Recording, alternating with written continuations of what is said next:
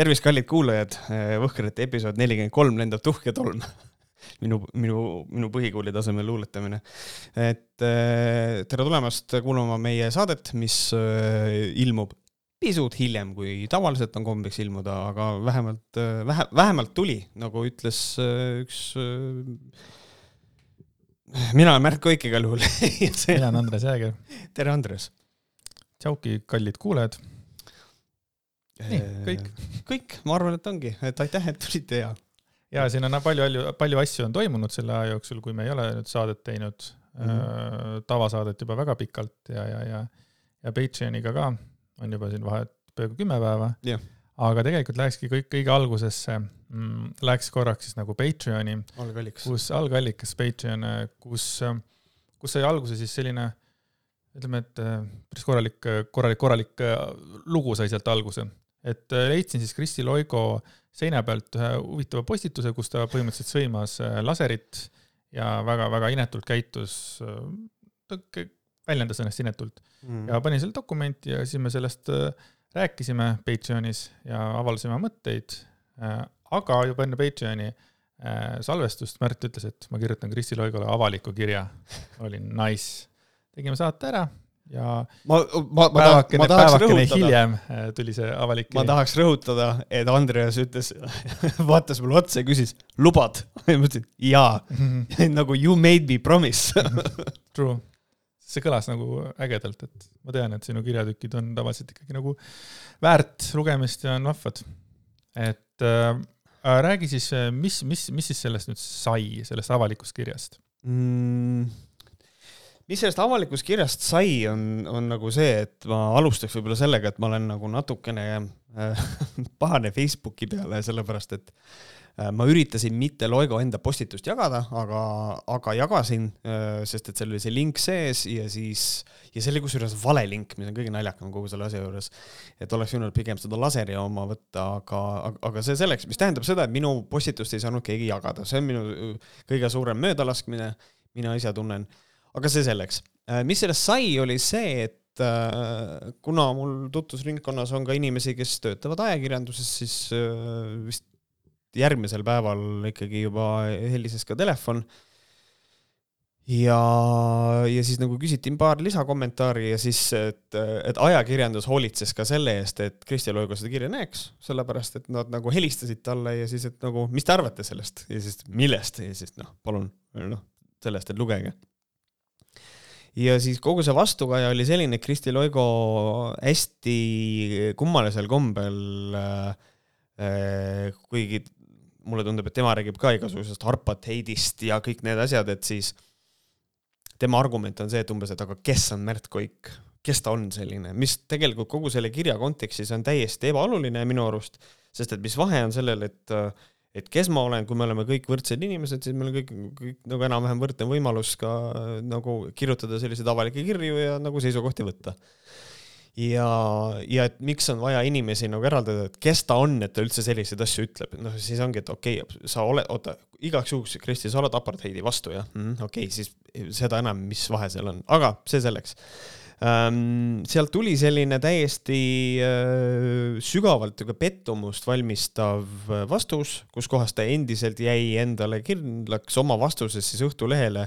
ta andis väga tugevalt mõista, et kui keegi kedagi kritiseerib, siis võib seda inimest välimuse baasil rünnata, ta nagu suhteliselt nagu ikkagi oli, jäi sellele seisukohale kindlaks. ta väitis, et roosa banaanike tähendab munni. Äh, kust ta seda võtab, esimest korda kuulen, ei tea ehm, no olgu, siis olgu siis nii. Aga... tagasiside mujalt, sest nii palju, kui ma nägin kommentaare, ma ka tšekkisin kommentaare mm, -hmm. vaatasin, siis äh, minu üllatuseks äh, sai meeldi päris äh, mõnele inimesele mm. -hmm. no näiteks mm -hmm. mingi, kus, kus need olid mingi Postimehe kommentaarid või, või oli see Postimees või Delfi, kus, kus iganes see oli, siis vaatasid ikka, et seal ei no ikka otse loomulikult, mis oligi minu jaoks kõige naljakam oli see, et äh, Õhtulehe kommentaarium on olnud minu jaoks nagu kõige suurem kuradi äädika tootmise koht üldse. ja Õhtulehe kommentaariumis oli suht rahulik, aga Postimehe kommentaarium oli natukene sõjakam. aga seal on ka nagu noh, sellised äh, kommentaarid, mis nagu näitavad, et okei okay,, sa ei lugenud mu seda asja, sulle ei meeldi see, et ma ütlen inimesele sitasti, kuigi Kristi Loigo siis võib teistele sitasti öelda või. ja siis kõik need, mis ütlevad, et noh, et kuidas on võimalik, äh, et miks, miks daamiga niimoodi käituda, kuidas daamidega niimoodi ei räägita ja siis mina nagu, nagu ma ütlesin striimis ka selle peale, et noh, et ma olen nõus jah, daamidega niimoodi ei käituta, jah, aga see ei olnud ju antud kontekstis, ma ju ei suhelnudki daamiga. et ma rääkisin Kristi Loigoga, see on hoopis midagi muud et, äh, et, et, et selle koha pealt minu jaoks, äh, mina tunnen seda, et äh, see on niisugune tühi kriitika, sellepärast et küll öeldakse seda, et küll mina olen väärakas ja kõike seda, aga davai, ma ei tea, suva. tead, like idest mul on tavaliselt üsna ükstaskõik mm, -hmm. aga nagu ma ikkagi jälgisin seda, palju Kristi Loigo postitusel oli like'e, palju sinu postitusel oli like'e ja sa võitsid. võitsin või? et sul on seal peaaegu tuhat like'i Äh, Facebookis ja, ja Kristi Loikal oli seal kuussada pluss, et. Äh, rahvas on hääletanud. et rahvas on hääletanud, et, et noh, Varro Vooglaid ütleks, et nii need asjad käivadki. jah, jah, ilmselt küll. hääletus ikkagi. Äh, see on see, no jaa, aga Kristi Loigol ja Varro Vooglal on alati võimalus öelda, et noh, Kristi Loig on mustas nimekirjas ja tema seda algoritmi ei toeta, tema postitusi, et siin võib alati seda ka öelda aga mingist midagi hirmsat ei saanud, Messengeri ei tulnud mingeid hirmsaid kirju? ma sain Messengeri kaks kirja, mis olid negatiivsed. Äh, üks ütles mulle jälle, noh, vana hea, et ma olen pubekas. Ja siis üks ütles, et ma olen äh, see oli hästi naljakas, see oli lihtsalt kaks sõna, kus oli, anti mulle mõista, ma ei viitsi seda vist praegu välja otsida, ma ei tea, kus see mul chatis on aga vist oli, et kas ma olen äh, kuidagi vaimupuudega keegi või midagi sellist. aga ma sain ka, aga mis oligi nagu naljakas, on see, et ma sain ka, sain ka kirju, mis nagu kiitsid, ütlesid, kuule, et väga hästi, neid ma sain rohkem ja väga paljudes kirjades oli see, et ma tean seda, et sa raudselt oled juba väga palju sõimu saanud, aga ma lihtsalt tahan öelda, et äh, tegelikult on inimesi, kes arvavad, et see, et noh, et see kiri oli väga hea ka, et nagu see on väga positiivne, et sa nagu sõna võtsid. ja siis ma ikkagi nagu kirjutasin nendele inimestele ka otse, et noh, tegelikult tuleb tunnistada, et äh, sorry, aga sul noh, ei ole nagu õigus, sest et äh, et noh, tegelikult ei ole, ma olen, ma olen ainult kaks kirja saanud, et nagu ma olen rohkem saanud kiita kui vastupidi. see Sven kirjutas mulle, et ma olen lapsik vaimuhaige. ja kui ma kirjutasin talle, et kas sul hakkas nüüd kergem, siis ta ei vastanud sellele enam. Davai. nii et äh, ei tulnud mingit äh, hirmsat tapmisähvardust? tapmisähvardusi ei, õnneks ei tulnud jah, et, et nendesse ma suhtun ikkagi tõsiselt, aga et niisugune, keegi ütleb, ma olen lapsik vaimuhaige. aa, okei okay et sihuke, mis, mis seal ikka. aga mm, surnutest rääkides, siis äh, nii siis äh, kas sa nägid seda Karol, Karol Kuntseli libasurmauudist? oled sa kursis sellega? ma olen sellega väga hästi kursis. Äh, ma nägin seda, see oli niimoodi, et minu, minu Discordi serveris oli niimoodi, et äh, Äh, kõik kuvatõmmised olid tehtud, ma nägin kõik ära, ma nägin äh, Rain Tolgi postitust, ma nägin seda kõike ja siis ma hoidsin kahe käega peas kinni, et jaiks, et see on päris, see on päris suur möödalaskmine, et olen kursis, jah. kes siis Kanadas on elanud, siis äh, laupäeva õhtul tuli uudis, et Karol Kuntsel, armastatud näitleja, on surnud. ja, ja mis oli siis nagu algallikas, oli see, et Rain Tolk oli teinud Instagrami postituse, oli kirjutanud sinna kallis Karla, Karla või midagi sinnakanti ja kutt oli natukene Karol Kuntside moodi, kuigi isegi mitte väga eriti Ja. minu jaoks. Nagu- kuigi nagu... on, vaata, vaata siin ma tahan rõhutada seda, et see, kuidas kindlasti on keegi oh kuule, vaata, ta on täiega sinu nägu ja siis, et no ei ole ju. et noh, et siin on võib-olla see, et võib-olla tema nägi seal rohkem Kuntselit kui keegi teine mm. ja, ja kohe, ma ei tea, kui tähendab, ma ei tea, kui kohe, aga esimesena siis Kroonika võttis selle ja avaldas uudis, et Karol Kuntsel on surnud. ja siis kohe tegi seda Elu24 tegi, tegi seda järgi. minu arust see on nagu, minu arust see on uskumatu. see on, see on, see on täiesti jah, uskumatu. jah, see on, see on, see on nagu räme nagu bardakk, et selles mõttes, et ja üldse Karol Kuntseli puhul on nagu, ta ei saa olla surnud, kui ma ei eksi, siis ma aitasin tal, talle tuppa vanni tassida, ta on mul ühe õlle võlgu et see oleks nagu traagika, kui ta otsustaks praegu lambist lahkuda, eks ole, et see on ikkagi, tal on võlg on veel kandmata, kuigi ma olen talle iga kord öelnud, et, et, et, et ta ei ole mulle võlgu. aga et äh, ja kõige naljakam on nagu see, et mina sain aru, kas see oli Elu24 vist või oli see Delfi, ma ei mäleta, kes üritas kuidagi nagu veits nagu süüdistada vist ka nagu kas tolki või kuidagi, et noh, et info oli ebamäärane või kuidagi nagu seda, et. kes Elu24 süüdistas või? ma, ma mina nägin, et Elu24 süüdistas Kroonikat, et nemad ütlesid Kroonikast, sest nad ja, eeldasid, et see on õige info. mul oli see, et vau wow,, et noh, ma ei tea, own it siis nagu siis, et. jah, just, et nagu we fucked up. jah aga, aga, aga selles mõttes, et kuulujutud räägivad seda, et see toimetaja äh, ei ole enam tööl äh,, et on, on, temast on vabanetud. Arju Sirius, nagu sa ütled äh,. Arju, Arju Sirius äh, Black äh,, siis kuulujutu järgi mina saan aru, et jah, aga, aga kas see tõele vastab? ma ei tea, avalikult ei ole seda välja öeldud, aga aga ma sain nii aru, et seda inimest ei ole enam tööl mm.. Karl Kuntseliga räägiti, räägiti ka sellest ja siis küsiti, et mis tunne oli siis, jah, et mis tunne oli siis, siis ta ütles, et noh, ta oli hästi rahulik ja ta ütles ka, et, et noh, et kuna see oli laupäeva õhtul ja pere oli kodus ja kõik oli nagu chill. ta vaatas Eesti Laulu ka. jaa, aga oleks olnud see Ain. kuskil mingi suvalisel päeval, koolipäeval ja siis yeah. järsku, et isa on surnud või mis iganes. jah, et laps näeb. et, et see oli päris pöörane. Karol Kuntsel on muidu viimane näitleja, keda ma käisin nagu näid-, kumba vaatamas siis? etendust või neid, neid? ütle, et sa käisid etendust vaatamas. ma käisin etendust vaatamas, see oli ka Karol Kuntsel ja siis see, kes Malvinat mängis, mis tema mm näitleja nimi on ja nemad tegid äh, mingit laste etendust, paar kuud tagasi käisimegi vaatamas seda. ta oli nii armas nagu äh, etendus, et see oli nagu nii äge, siis mõtlesin, vau, et nagu noh, ma just nagu nägin teda, vaata, et nagu yeah. viimane etenduse kogemus oligi temaga, eks ole, et selles mõttes nagu lahe. et jah, minul, minul nagu jäi see emotsioon olemata, et ma loen, et oh my god, ta on surnud ja siis pärast, et aa ah,, ta ei ole surnud, vaid mul oli kohe, et aa ah,, vale uudis oli, et ta oli surnud, et minul oli see nagu väga otsene nagu niipidi. mina nägin ära, ütlesin Lempsile, et kuule, Karol Kuntsel on surnud, ei ole on. ja näed, ja tal oli õigus, ei ole, ei olnudki. ja ei olnudki. Crazy. True. ja kiiresti siis äh, tõmbame Eesti Laulule ka, kuna seal see uudis tuli Eesti Laulult, siis mm -hmm. kuida jäid rahule?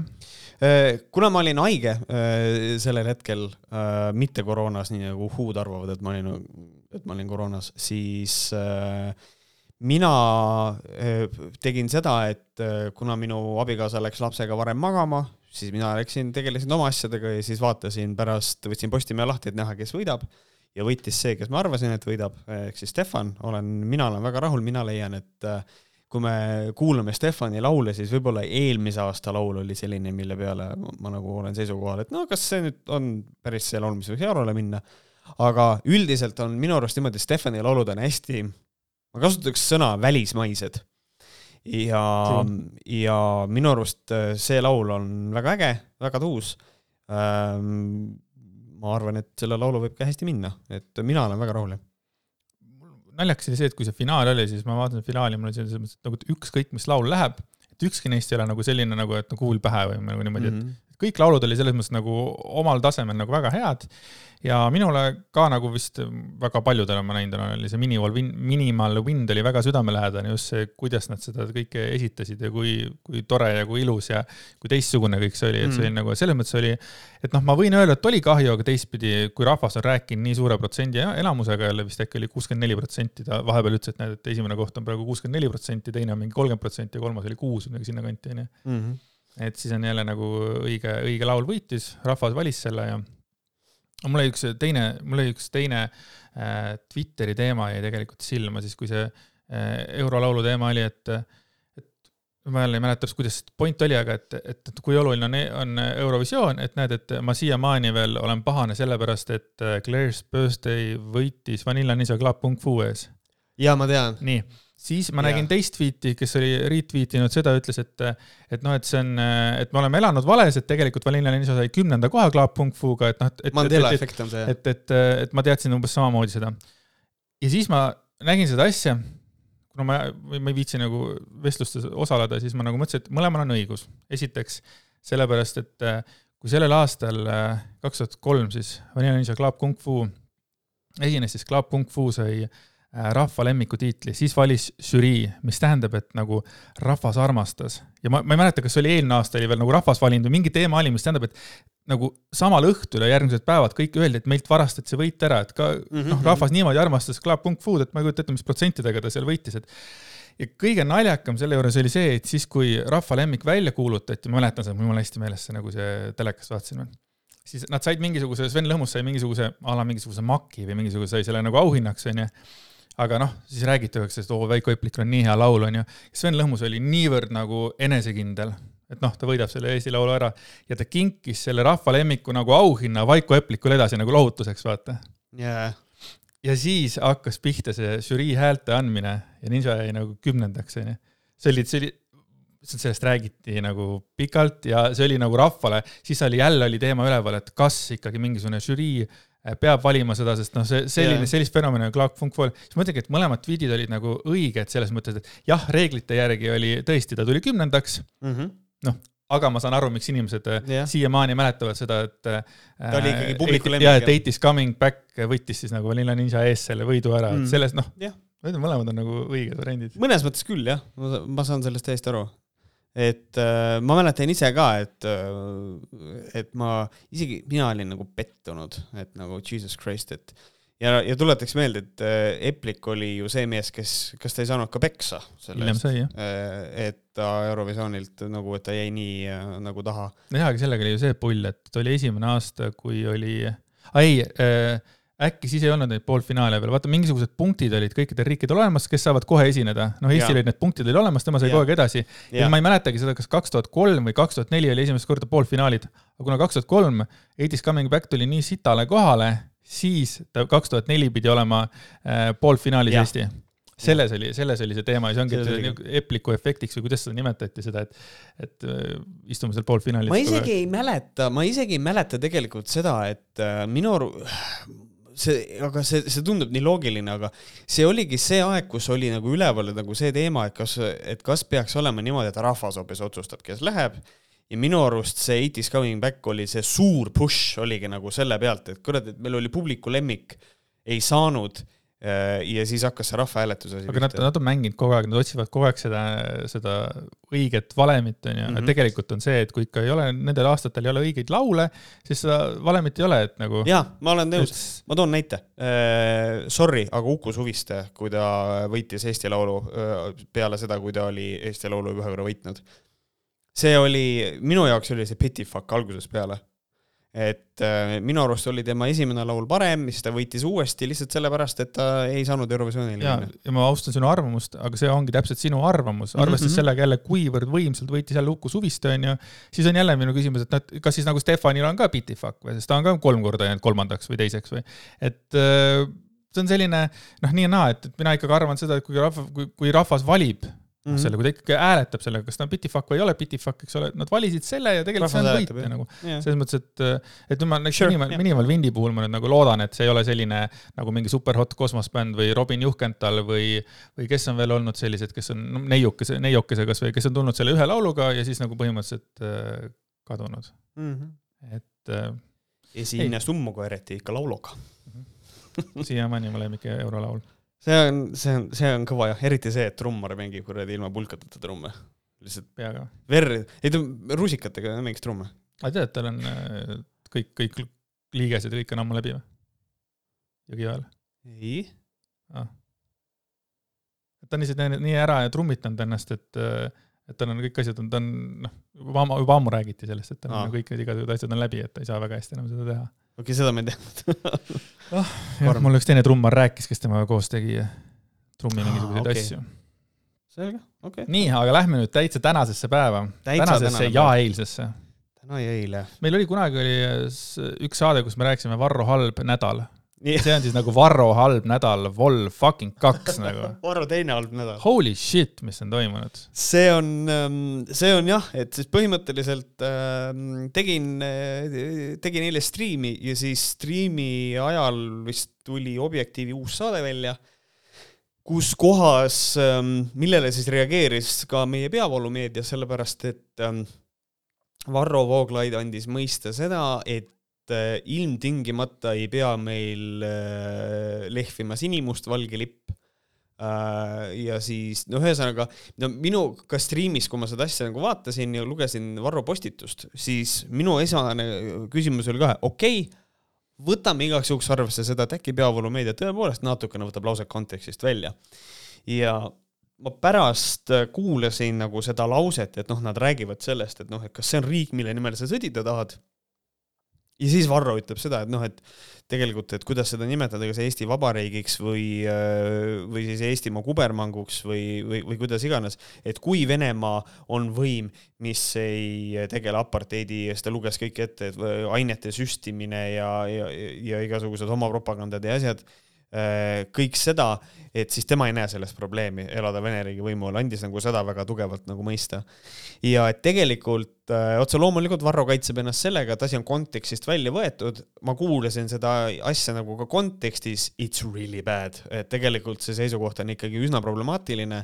Äh, aga minu jaoks on problemaatiline Markus Järvi seisukoht, mis ta ütles, et tema esimest korda elus tunneb seda, et kahekümne neljandal veebruaril sinimustvalge ei kõneta teda enam ja siis minul on nagu see, et selge, aga see tähendab seda, et sind ei ole sinimustvalge mitte kunagi järelikult kõnetanud, sellepärast et kui sul piisab eh, nagu reaalselt sellest ühest aastast või kahest aastast, et lahti öelda Eesti riigi sümbolist, Eesti riigi pikalt traditsioonilisest lipust, mille alla on seda eh, liberalistlikku asja, mida sa nagu vihkad, aetud nagu, nagu pikemas perspektiivis kõigest nagu kübeke aega siis sa ei ole kunagi Eesti riigis midagi arvanud, kui sa sellist asja väidad. et mina leian seda, et kui sa oled ikkagi Eesti patrioot ja Eesti riik on su jaoks oluline, siis sina ütled seda, et valitsus rüvetab sinimustvalget ja see valitsus peaks tagasi astuma. mitte seda, et sinimustvalge ei tähenda minu jaoks enam mitte midagi. et selles mõttes mina, mina saan täiesti Markus Järvi sõnadest niimoodi aru, et ta pole kunagi Eesti riigis tegelikult Eesti iseseisvusest meie sümboolikast mitte sittagi arvanud Äh, ma parandan sind ühe faktiga. Äh, sa ütlesid, see saade tuli välja sinu striimi ajal, see saade tuli välja umbes äh, üks päev varem mm,. see tuli okay., saade tuli välja teisipäeval, kui ma ei eksi. ja, ja kolmapäeva, kolmapäeva hommikul oli juba sellel saatel kuuskümmend tuhat vaatamist kuuskümmend fucking tuhat, et äh, tavaliselt on sellise objektiivi saadetel on sellised wow. noh, kümme, kakskümmend tuhat, eks ole, mõnikord Jaak Madisson käib külas, on kolmkümmend tuhat. aga oli kuuskümmend üks tuhat, täna hommikul, täna hommikul oli seitsekümmend üks tuhat, eks ole. mis tähendab see, et Varro Vooglaid on jõudnud äh, Youtube'is nii nagu, et teda kuulevad nii paljud inimesed, et nüüd hakkavad siis tegema teised äh, sedasama tööd, mida meie oleme teinud, sina siis juba kümme aastat, siis Võhkarid, eks ole, ja Võhkarid kaks aastat nagu äh, noh, tema neid seisukohti väljenda, väljendanud, mis on nagu väga pull tegelikult. et nüüd, nüüd üks hetk tuleb Varro Lakk hakkab päriselt mõtlema, mida ta vittu räägib mm. -hmm. et äh, seitsekümmend kolm tuhat. ja, et uudise, et uudised hakkavad tulema sellest lihtsalt, et inimesed kuulavad nüüd teda, et ei saa enam nii julmalt panna, eks ole. ja mm, Varro siis kohe muidugi läks Facebooki ja kirjutas siis. Äh, Postimees kirjutab vahkvihas, sihtasutuse perekonna ja traditsiooni kaitseks juhataja Varro Vooglaid rääkis Objektiivi saates, kuidas ta, tal ei ole midagi selle vastu, kui Venemaa okupeerib Eesti. ja siis ta kirjutas lõppu, selle räige vale pärast annan Postimehe kohtusse ja võidan. et selles suhtes äh, pull, ma tahan näha, kuidas ta võidab selle ja. jah, ma mõtlen selle sõnastuse peale, kuidas teil ei ole midagi selle vastu, kui Venemaa okupeerib Eesti, sest et tema enda sõnakasutus ütleb seda, et kui Vene riik tõesti on selline riik ja siis ta ütleb, et kus neid asju ei ole, mida Eestis, siis tal ei ole sellega probleemi, et tal on, ma nagu tunnen, et ideeliselt on tal oma seisukohta väga raske kaitsta, aga sure, mingu raisaku raha, andku abi. minu arvates on nagu pull, muidugi Postimehes on ta sõber praegu, nii et lasku käia ja Kaja Kallas võttis ka Varro Vooglaiu kohta sõna, mis on, ma ei ole seda väga, väga varem näinud. ja kirjuta-, Kaja Kallas siis kirjutas niimoodi, et samal päeval, kui Venemaa agressiooni sihtmärgiks oleva Ukraina iseseisvuse toetuseks lehvivad üle maailma sinikollased lipud, ründab end sinimustvalge lipu taha varjuv vabadusvõitleja ja traditsioonide eest seisja Eesti iseseisvust. et äh, väga äge et nagu selles mõttes, kui me oleme jõudnud nagu sinna, et konkreetselt Kaja Kallas peab nagu Vooglaiu mingisuguseid asju kommenteerima, siis nagu You kinda fucked up, ma vaatan praegu, et tegelikult neil ikkagi saate kommentaariumis on eh, väga tugevalt ikkagi pannakse ikka puid alla ka, et nagu see on, see on, vot kuradi Youtube, et ei ole dislike'e näha enam, et aga see on, see on väga julge seisukoht. Ja siin muidugi nüüd eh, Lauri Hussarid räägivad seda, et noh, nüüd on kõik maskid langenud, aga ma ei tea, I ve been talk-, I ve been saying it for years nagu, aga, aga noh, vähemalt on nüüd vähemalt see asi natukene selgem nii, siis Varro jätkas Facebookis, äh, kuna eile oli ka selline asi nagu Pealtnägija mm, -hmm. siis äh, seal Mihkel Kärmas siis rääkis, korraks mainis Saptki ja siis äh, Varro kirjutas Facebooki. Mihkel Kärmas ütles tänases saates ETV Pealtnägija. Läinud kevadel korraldas Saptk ridamisi miitinguid NETS-i vastu, kuigi massikogunemised olid sel hetkel rangelt võttes keelatud. väide on äh, ühemõtteliselt ja täielikult vale. Läinud kevadel ei korraldanud SAPTK NETS-i vastu ega üldse koroonapiirangutega seonduvalt mitte ühtegi miitingut. paraku oli kogu koroonapiirangute vastastele meesta, meeleavaldustele keskenduv saatelõik sedavõik kallutatud ja tendentslik, et lihtsalt piinlik vaadata. eriti mannetu on see, millise järjekindlusega jäeti nii politseid kui ka valitsuselt keskse tähtsusega kriitilised küsimused küsimata. samas, mida paremat kui eneseõigustus saakski riigi meediast oodata. igal juhul pettumust valmistavalt vilets töö Piia Osule ja kohe täna, tunnike tagasi või kaks äkki isegi äh,, Pealtnägija mm -hmm. kirjutas äh, niimoodi, õiendus ja vabandus, eilses Pealtnägija saates väitsime ekslikult, et läinud kevadel toimunud meeleavaldusi nakkushaiguste ennetamise ja tõrje seaduse vastu organiseeris sihtasutuse perekonna ja traditsiooni kaitseks SAPTK. täpne on öelda, äh, no näed, mul siin arvuti jebib. kas sa näed siit? täpne on öelda, et SAPTK-i juht täpne on öelda, et SAPTK-i juht Varro Vooglaid kutsus inimesi neile meeleavaldustele varustas plakatitega. Mhm. vastav täpsustus on saatesse sisse viidud, pealtnägija vabandab ebatäpsuse eest. ja oligi, et ma nägin ka seda ja Varro oligi ise need plakatid, et võite neid kasutada ja kõik need asjad mm, -hmm. et mhm. põhimõtteliselt tema ikkagi nagu see on, see on jälle niisugune väga pull, et. mis on veider, on see, et Varro Vooglaid distantseerib oma sihtasutust sellest.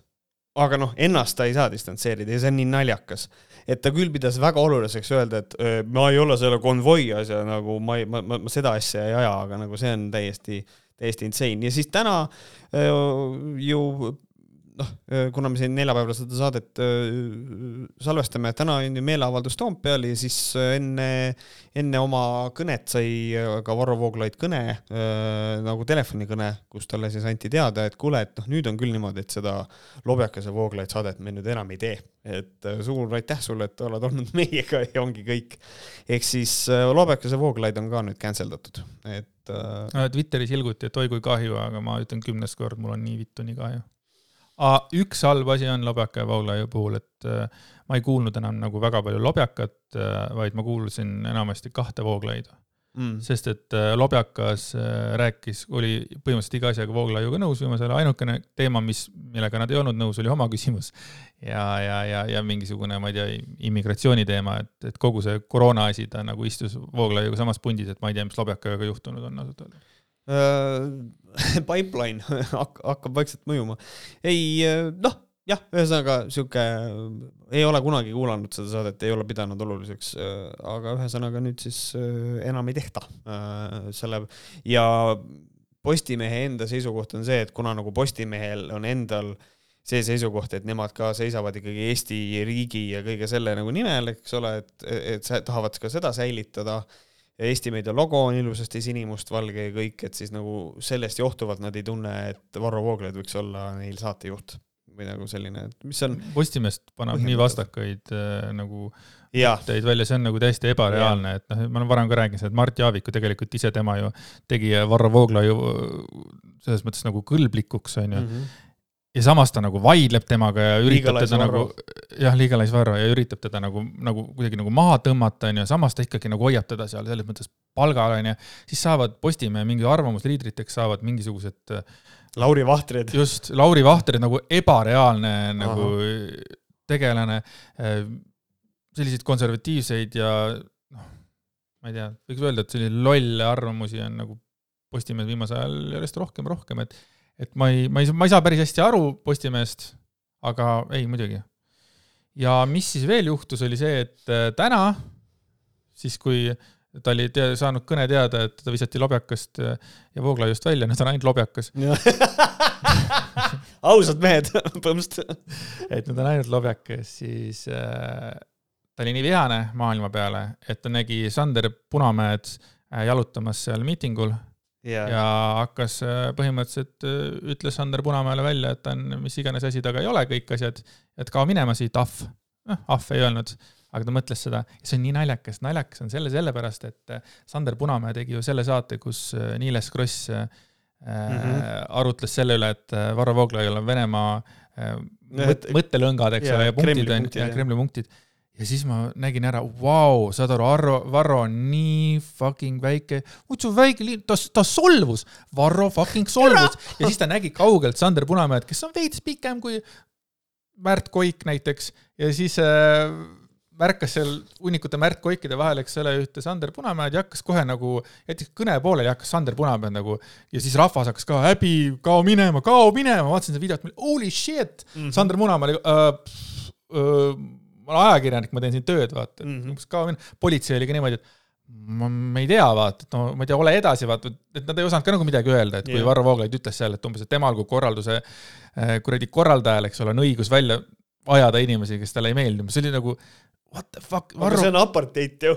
jaa, uskumatu, ei uskumatu nädalad ja uskumatu kaks päeva on olnud Varrol, et ja, ja, ja peale kõike seda, mis, mis igasugused äh, case'id tal on seal ja kõik kannab kohtusse ja eks muud tränid ja siis ta suudab ikkagi veel tegelikult ka homo tegele-, homo küsimusega tegeleda, et ikka viskab sisse vahepeal jälle mingi. ma ikka loodan, et ta vähemalt vahepeal, kui tal on stress väga kõrge, et ta saab natuke homo küsimusega tegeleda tegelikult. ja, ja eile ta natukene sai ja ma vaatasin ka Märdi striimist Pealtnägijat ja siis kas mitte Märt ise ei öelnud seda, et no nüüd kindlasti Varro saab kohe jälle kirjutada sellest, et jaa, mida Varro tegi täna oma seinal?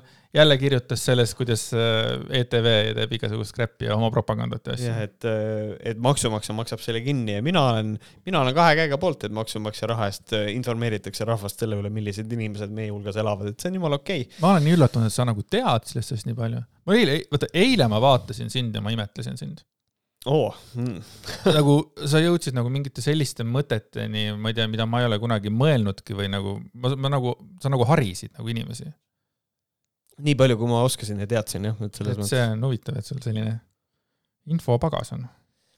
no tore, mulle tuli kass sülle jess, külalised saates on esimene külaline, kuigi ta on meil ka enne käinud. ta on varem käinud ka nii, aga need on siis need tänased äh, põletavad teemad, mis on nüüd saanud äh, ilusasti ära räägitud, mis on mõnes mõttes jube hea, pean saadet nagu täna salvestama, sest et need on nii värsked ja siis nagu need oleks juba mõnes mõttes lahtunud, aga üks teema, mis võib-olla äh, natukene on jõudnud lah-, nagu lahtuda, aga mina tõstataks selle teema uuesti, on meil siis tänane niisugune ma ei, ma, ma, ma, ma isegi ütleks, tere kass, minu sülle ka, okei. Okay..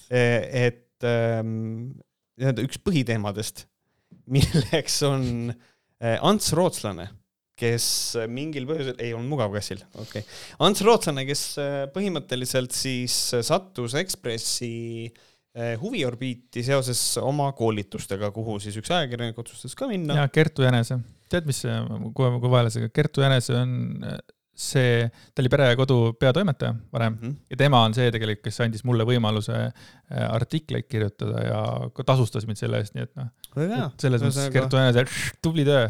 Et äh, siis ühesõnaga äh, täiega kallutatud saade, aga aga et ühesõnaga ähm, ja Ants Rootslane siis äh, tuli välja, et ta ütleb siukseid huvitavaid seisukohti, aga nende kõigini me väga jõuame. kes on Ants Rootslane? Ants Rootslane on inimene, kes nimetab ennast terapeudiks, tuletame meelde, terapeudi kutset Eestis ei ole olemas põhimõtteliselt mina võin praegusel hetkel teha endale Facebooki lehe, kus ma ütlen, ma olen terapeut Märt Koik ja see kõik on fine Äh, ta on kahekümne viie aastane noormees, kes siis tegeleb äh, siin oma raamatu müümisega ja aitab inimestel äh, elu paremini elada. aga põhimõte on selles, et siis hakkaks natuke see artiklit nagu hakkame otsast pihta, sest see on, kõik on kuld ähm, et kirjutada raamatumüügirekordeid purustav Ants Rootslase fenomenist põhjalik lugu, otsustan muuhulgas osa võtta ka tema webinarist. muidugi see on, see on nagu praegusel hetkel kõigil on oma webinar.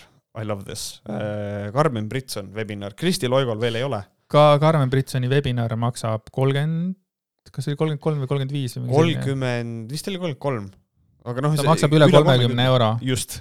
ja siis äh, üle kolmekümne euro ja äh, piletimüügikeskkonnast siis ajakirjanik ostis Ants Lootslase webinarile, mille pealkiri oli Astud pardale või jääd maha, küsimärk ja see pilet maksis üksteist eurot ja üksteist senti. väga nunts. et see on niisugune väiksem summa, võib-olla natukene lihtsam ja et äh, ja tegelikult ähm, kapitalistlikust perspektiivist äh, väga andekas, sellepärast et kui su pilet maksab kolmkümmend euri pluss nagu Karmen Britsonil, siis suure tõenäosusega tuleb vähem inimesi kui siis, mis tähendab, et sinu teenistus on väiksem, kui su pilet on üksteist, üksteist. Et see on sihuke päris hea. üksteist, üksteist jah. üksteist, üksteist läbimõeldud ikkagi. et, äh, et nagu sa oled siia dokumentiga kirjutanud, et Ants lööb massiga. jaa, sest aga see ongi see vahe, et hea. üks on nagu läbi jah, nagu arvuti ja teine on see, et see Karmen Britsoni oma on selline intiimne keskkond, kus saavad inimesed nagu päriselt kokku. Karmen, sa hingata hinge õhku, sa ütled, sul on liiga vähe raha mõtle selle raha peale. kusjuures mulle tegi nalja see, et äh, ma olen Ants Ro-, Ants Rootslasega tegelenud viimasel, viimase, viimane nädal ja minu arvates Ants Rootslane tõmbas Karmen Britsonile korra ühe suraka ära, ta ei öelnud küll Karmen Britson, aga ta ütles ka, et praegu on hästi äh, naljakas, et mingid inimesed, kes nagu et, et inimesed teevad nagu endale särgid, et ma olen terve, mingid asjad, et see on nagu mingi ebareaalne, müüvad seda nagu, et what the fuck nagu mm. -hmm. ja noh, Karmen Britson ju on see, kes ma olen yeah. terve särgi kuradi ma looja yeah see ongi vaata, mis, mis muudab Ants Rootslasest rääkimise nii keeruliseks, on see, et tal on mingisugused asjad, mis ta ütleb, seisukohad, mis on nagu, jaa, ma olen nõus, jah, see on nagu cool ja siis sellest samast, no türa küll, dude, what? Et äh, selleni me jõuame. nüüd äh, siis äh, artiklis mainitakse ära, et Ants Rootslase raamat, mille pealkiri on Seitsme põlve müsteerium, et seda on müüdud üle kolmeteistkümne tuhande eksemplari, ma olen näinud ka, Ants Rootslane on mu sõbralistis ka, et selles mõttes ma olen ka näinud, kuidas ta räägib, et oh, mul on raamat läbi müüdud ja tuleb juurde teha ja ja siis on kõik, mõtlesin ka, et huvitav, et kuradi, millal see mees nagu ilmus niimoodi, et ta annab välja raamatu ja see saab otsa, what the fuck et viimane raamat, mis ma mäletan, mis sai trükist otsa, oli see, kui tuli eluraamat inimesest, kelle nimi oli Ita Ever. ja nüüd Ants Rootslane müüb ka välja, aga noh. no teeme näo, et on kakskümmend euri raamat, on ju. noh, näiteks kakssada kuuskümmend tuhat eurot on äh, on siis kolmteist tuhat raamatut, äh, kui on kakskümmend euri, ma ei tea praegu. jah, ma, ma, ma nüüd ise mõtlen seda, et mis on kulud sellega seoses, siis äh, jah.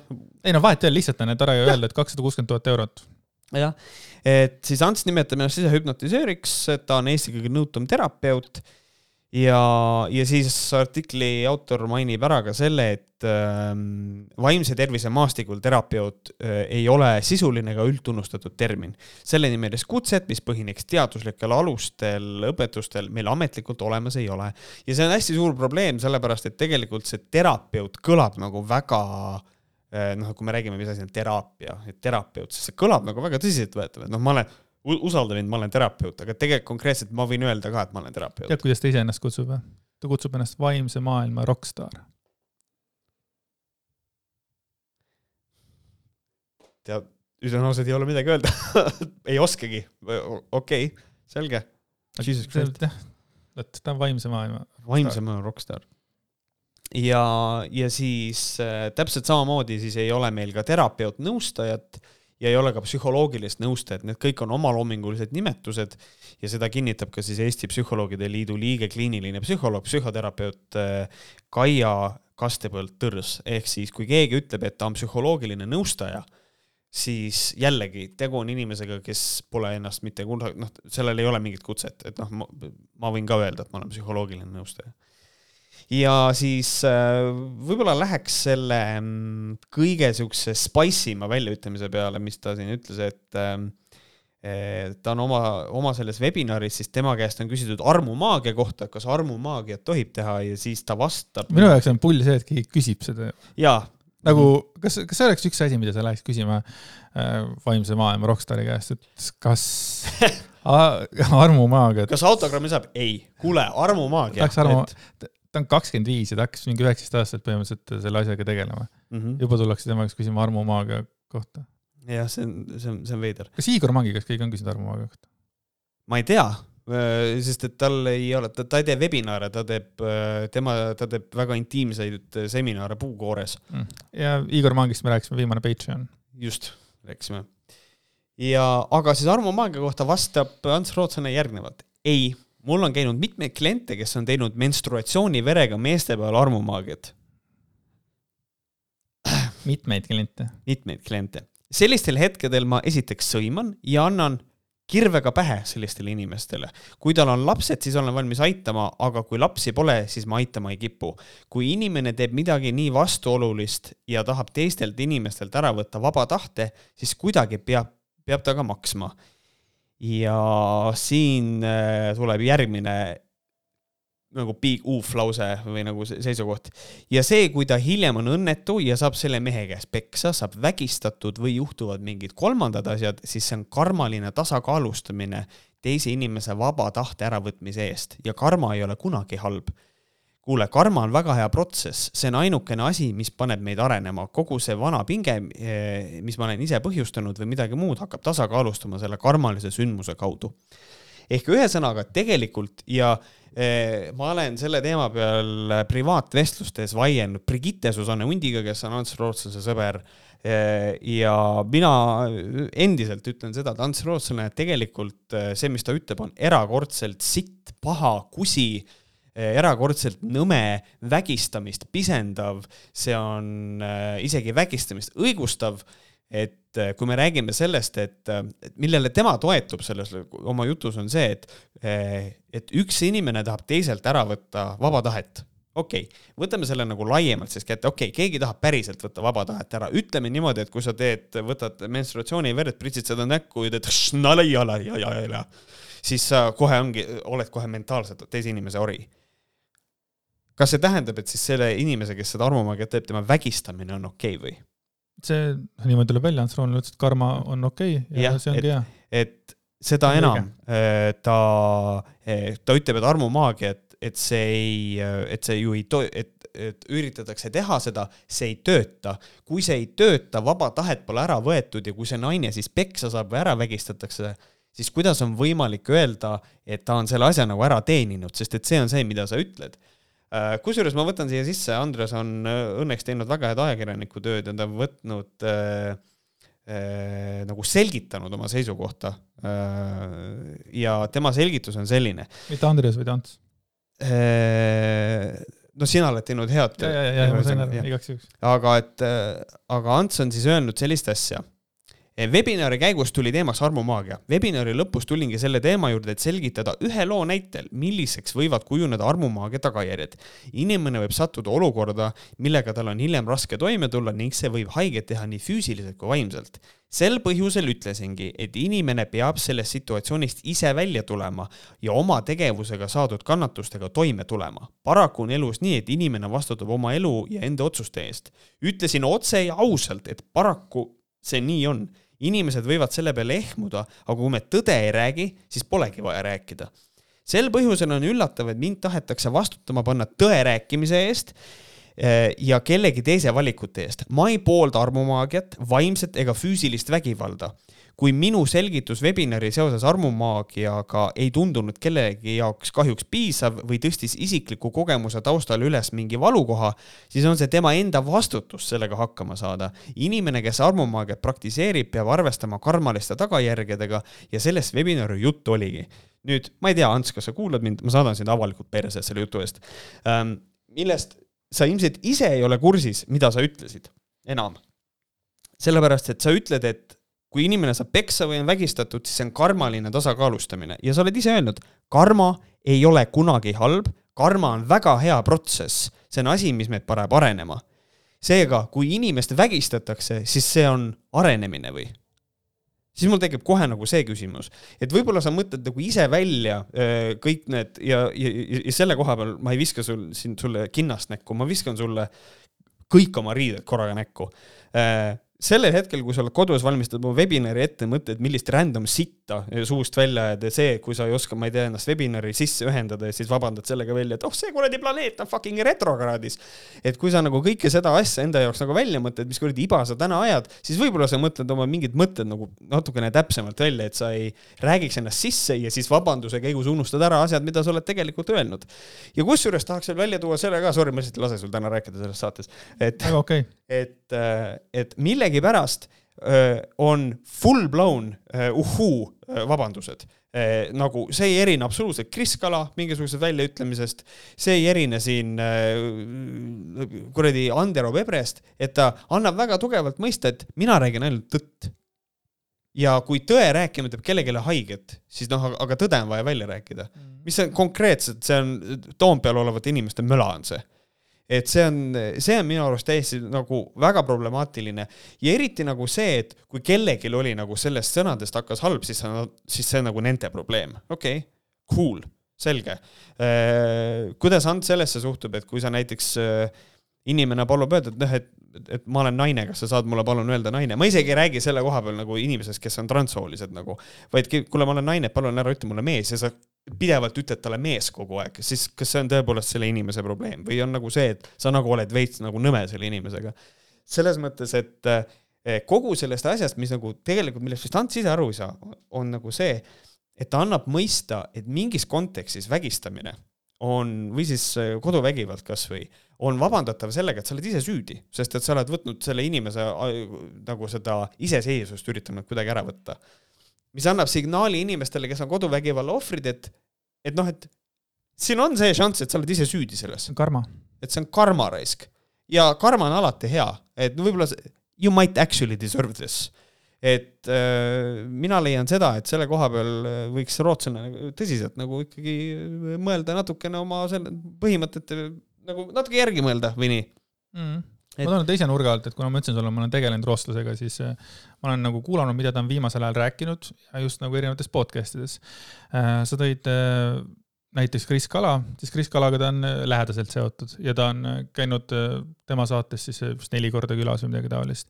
ja viimane kord, kui ta külas käis, siis ta ütles kohe mm, alguses ära, et, et, et kui ta üritas seda, noh siis nagu eelviimast korda siis nagu järgi kuulata siis ta pani selle ruttu kinni, sellepärast et ta oli tol päeval väsinud ja ta lihtsalt äh, ei saa seda kuulata, sest mis, mis kelbast ta too päev välja ajas suust. ja siis oli minu esimene, see oli minu mõte, what, what, what, what, what, what, ta just praegu ütles välja, et ta ajab suust kelbast välja. nii, siis läks natuke aega edasi ja ma kuulasin veel podcast'e ja siis, kui äh, üks saatejuht ütles temale, et näed, Ants Rootsen, et sa oled nagu õpetaja. ja Ants Rootsen ütles, et ei, ma ei ole õpetaja, õpetaja on kõige raskem töö, õpetaja vastutab asjade eest ja siis ma saingi aru, et mm. tal on, tal puudub tal puudub igasugune arusaam see, et ah. tema vastutab selle eest, mida ta räägib. see, et ta ajas eelmine kord siis kaks tundi suvalist kelbast välja ja siis inimesed on nagu, oh my god, ta räägib nii, nii tarka juttu ja siis ta ei suuda ise seda sitta järgi kuulata. ja nüüd ta siis nagu ütleb veel seda ka, et, et õpetaja vastutab asjade eest, mis tähendab nüüd, nüüd ma saan ka aru, miks ta siis nagu ajab seda praegu seda sitta edasi, ta, ta ei ole nõus võtma vastutust, et ma kujutan ette, et tema arvates ka ikkagi vastutavad, nüüd vastutavad need, kes on seda armumaagiat teinud, vastutavad need, kes seda kuulavad ja kõik see, tema ei vastuta tema mitte millegi, tema ei vastuta ja see on minu arvates on see üks väga vastik asi selle juures. ja see jah, sul on õigus selles mõttes, et jah, et ongi niimoodi, et me vähendame siis seda nagu naiste äh, vägivalla kogu seda naiste vägivalla teemat, on ju, mhm. aga see, ma lähen selle esimese lause juurde, see, kui ta hiljem on õnnetu, saab selle mehe käest peksa, saab vägistatud või juhtuvad mingid kolmandad asjad, see on karmaatiline tasakaalustamine, karmaline. Davai, esiteks mu küsimus on, et kui on armumaagia, kas siis naine ikkagi saab ka õnnetuks minna, kas armumaagia ei tööta siis või? aga noh, see selleks. ja siis ta saab selle mehe käest peksa, mis tähendab, see armumaagia juba ei tööta kas ta siis üldse vääribki seda peksa saamist, kui see armumaagia ei tööta? just, täpselt, see ongi see on, see on, see on esimene küsimus, aga, aga, aga mina tulen selle juurde, aga mees andis peksa mm. -hmm. et noh, mis iganes asja, aga mees lõi või mees vägistas. sel juhul, kuidas see on nagu kuidas mehe karmaga lood on? kuidas siis üldse, kas siis nagu kõik naised, keda siis nagu vägistatakse äh, ja tõesti nagu kodus, kodus vägivald on, kas kõik on siis teinud midagi, kas see on ka nagu karma siis või? Jah, vaata siin tekib see küsimus, et ma kujutan ette, Ants ütleb, et ei, see kõigiga ei ole niimoodi, et kõigi puhul ei ole nii, et see on ainult mõningad juhud. aga okei okay,, aga siis kas äh, äkki saaks nagu ära määratleda, millised naised on nagu ise süüdi selles, et nad peksa saavad ja siis on vaja hakata koduvägivalla vabandajat kuulama põhimõtteliselt, et see on, et see on suhteliselt nagu pöörane, jah. et see on, et äh, see on lihtsalt, ma nagu lugesin seda ja see on, ja see on nii mööda ja see seisukoht on nii rumal ja see on lihtsalt, see teeb mind väga õnnetuks, et meie, et on inimene, kes mängib, et aitab inimesi hästi palju, ise mitte mingit vastutust võtta ei taha ja siis ütleb, et see on inimeste süü.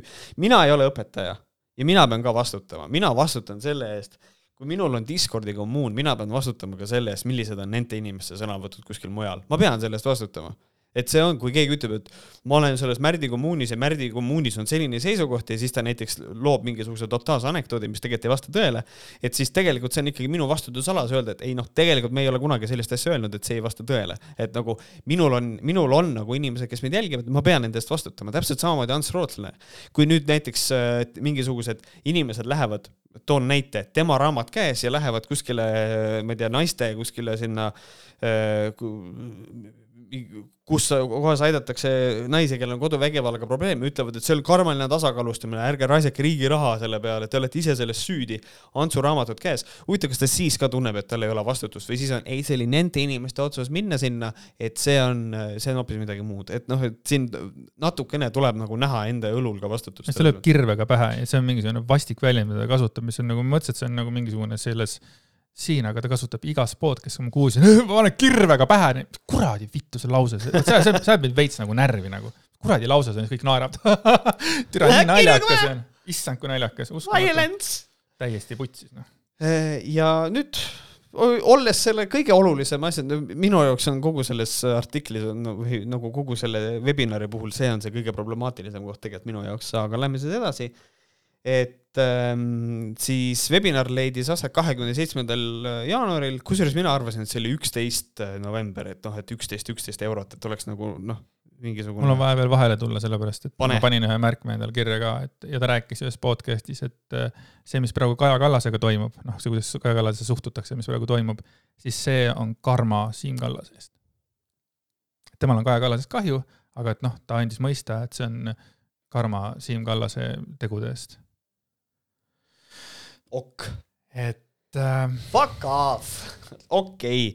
äh,. Ants, kui äh, kuuled või, või värki, siis mina olen alati valmis sinuga avalikult debatti pidama sel teemal ähm,. aga siis kahekümne seitsmendal jaanuaril leidis see webinar aset ja siis webinari kirjeldus äh, oli siis, et kuidas panna tiigriaastal energia enda jaoks tööle. noh, jällegi, milline energia, siis valgusenergia, soojusenergia äh,, Äh, kineetiline potentsiaalne. ei, see on, see on see ener-, ener-, ener-, energia, energia, energia., äh, mis äh, nagu siis tuleb nendest autode pagasnikutest, kui need nõiad käivad otsimas, et kus ja. on kus inimene, kus on ja. inimene, et see on kakskümmend autot ja kus on, see on, ma arvan, et see on see energia. jah, ja siis saate, ja siis selle energia nimi on see, et saate produtsent ütleb, kus ta on sellepärast et see on tut-, välja tulnud, et selgeltnägijate tuleproov on lavastus. aga, aga äh, räägi. räägin millest? räägi, kust see välja tuli? et Venemaal oli sellest äh, pikka aega probleeme, ma tean seda, et äh, mul on, mul on Business Insider äh,, mitte siis see ajakiri, vaid et mul on nagu inimene, kes on teletööd teinud ja teadis rääkida, et äh, seal on, seal on kokkuleppelisi asju et see on, et äh, mõnele võistlejale öeldakse ta on seal pagasnikus hmm.. Et... No minu, minu lemmik oli see, kui ikkagi naiste käest küsiti, et äh, kui kohe saate alguses, et kes võidab selle saate, siis tema oli pannud nõiaints. oli ennustanud nõiaints, samas mm -hmm. hooajas olid yeah.. nõiants lendas esimesena välja nüüd ta müüb raamatuid.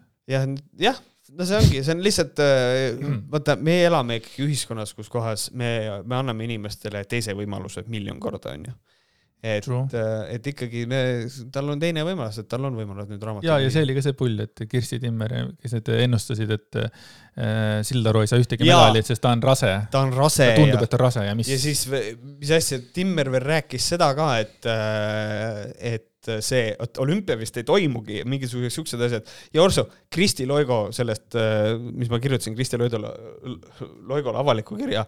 Äh, Kristi Timmer, aitäh sõbra kutse eest, but I don't, but I don't want you, okei okay?, ei ole vaja, aitäh sulle. mulle võid saata jah, sa võid Andresele saata. pikaajaline fänn. mul ei, mul ei ole vaja, minu jaoks oled sa soolapuhuja, et selles mõttes noh. no minu jaoks oled sa ikkagi saatejuht ja sa kunagi tegid ägedaid saateid äh, televisioonis, kus olid tabelid, E-Type, Shrill tabelis ja värgid ja tegid naistekaid asju, et. I love you. tsiteeriks filmi Tulnukas, vist oli Tulnukas, kurat, sa olid nii normaalne, kas see oli seal või? Või see oli kuskil mujal? sa olid kunagi nii norm-, aga miks peab normaalne olema? Eh, miks peab normaalne? jah, et sa olid kunagi nii normaalne ja nüüd vaata, mis nüüd juhtus. kuradi väikesed peeglikesed ja kõik see. aga ei, you know, kapitalism on ka, miks mitte.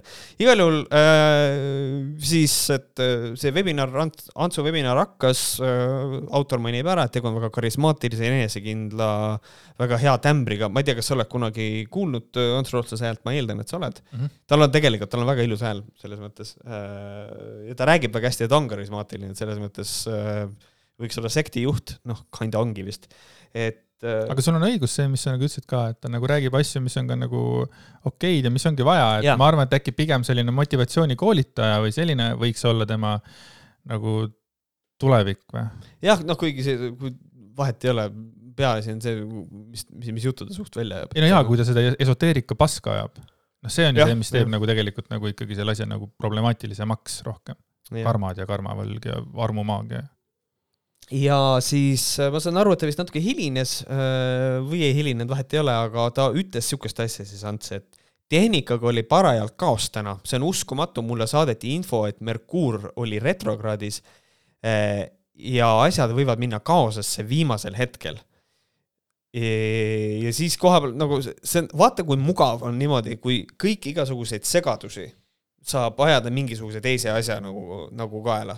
et me üritasime sinuga teisipäeval saadet salvestada, me ei saanud, meil olid tehnilised raskused, aga see ei olnud ei sinu süü, see ei olnud sinu te internetiteenuse pakkuja süü, Merkuur vist oli retrokraadis uuesti mina usun küll, et see võis olla.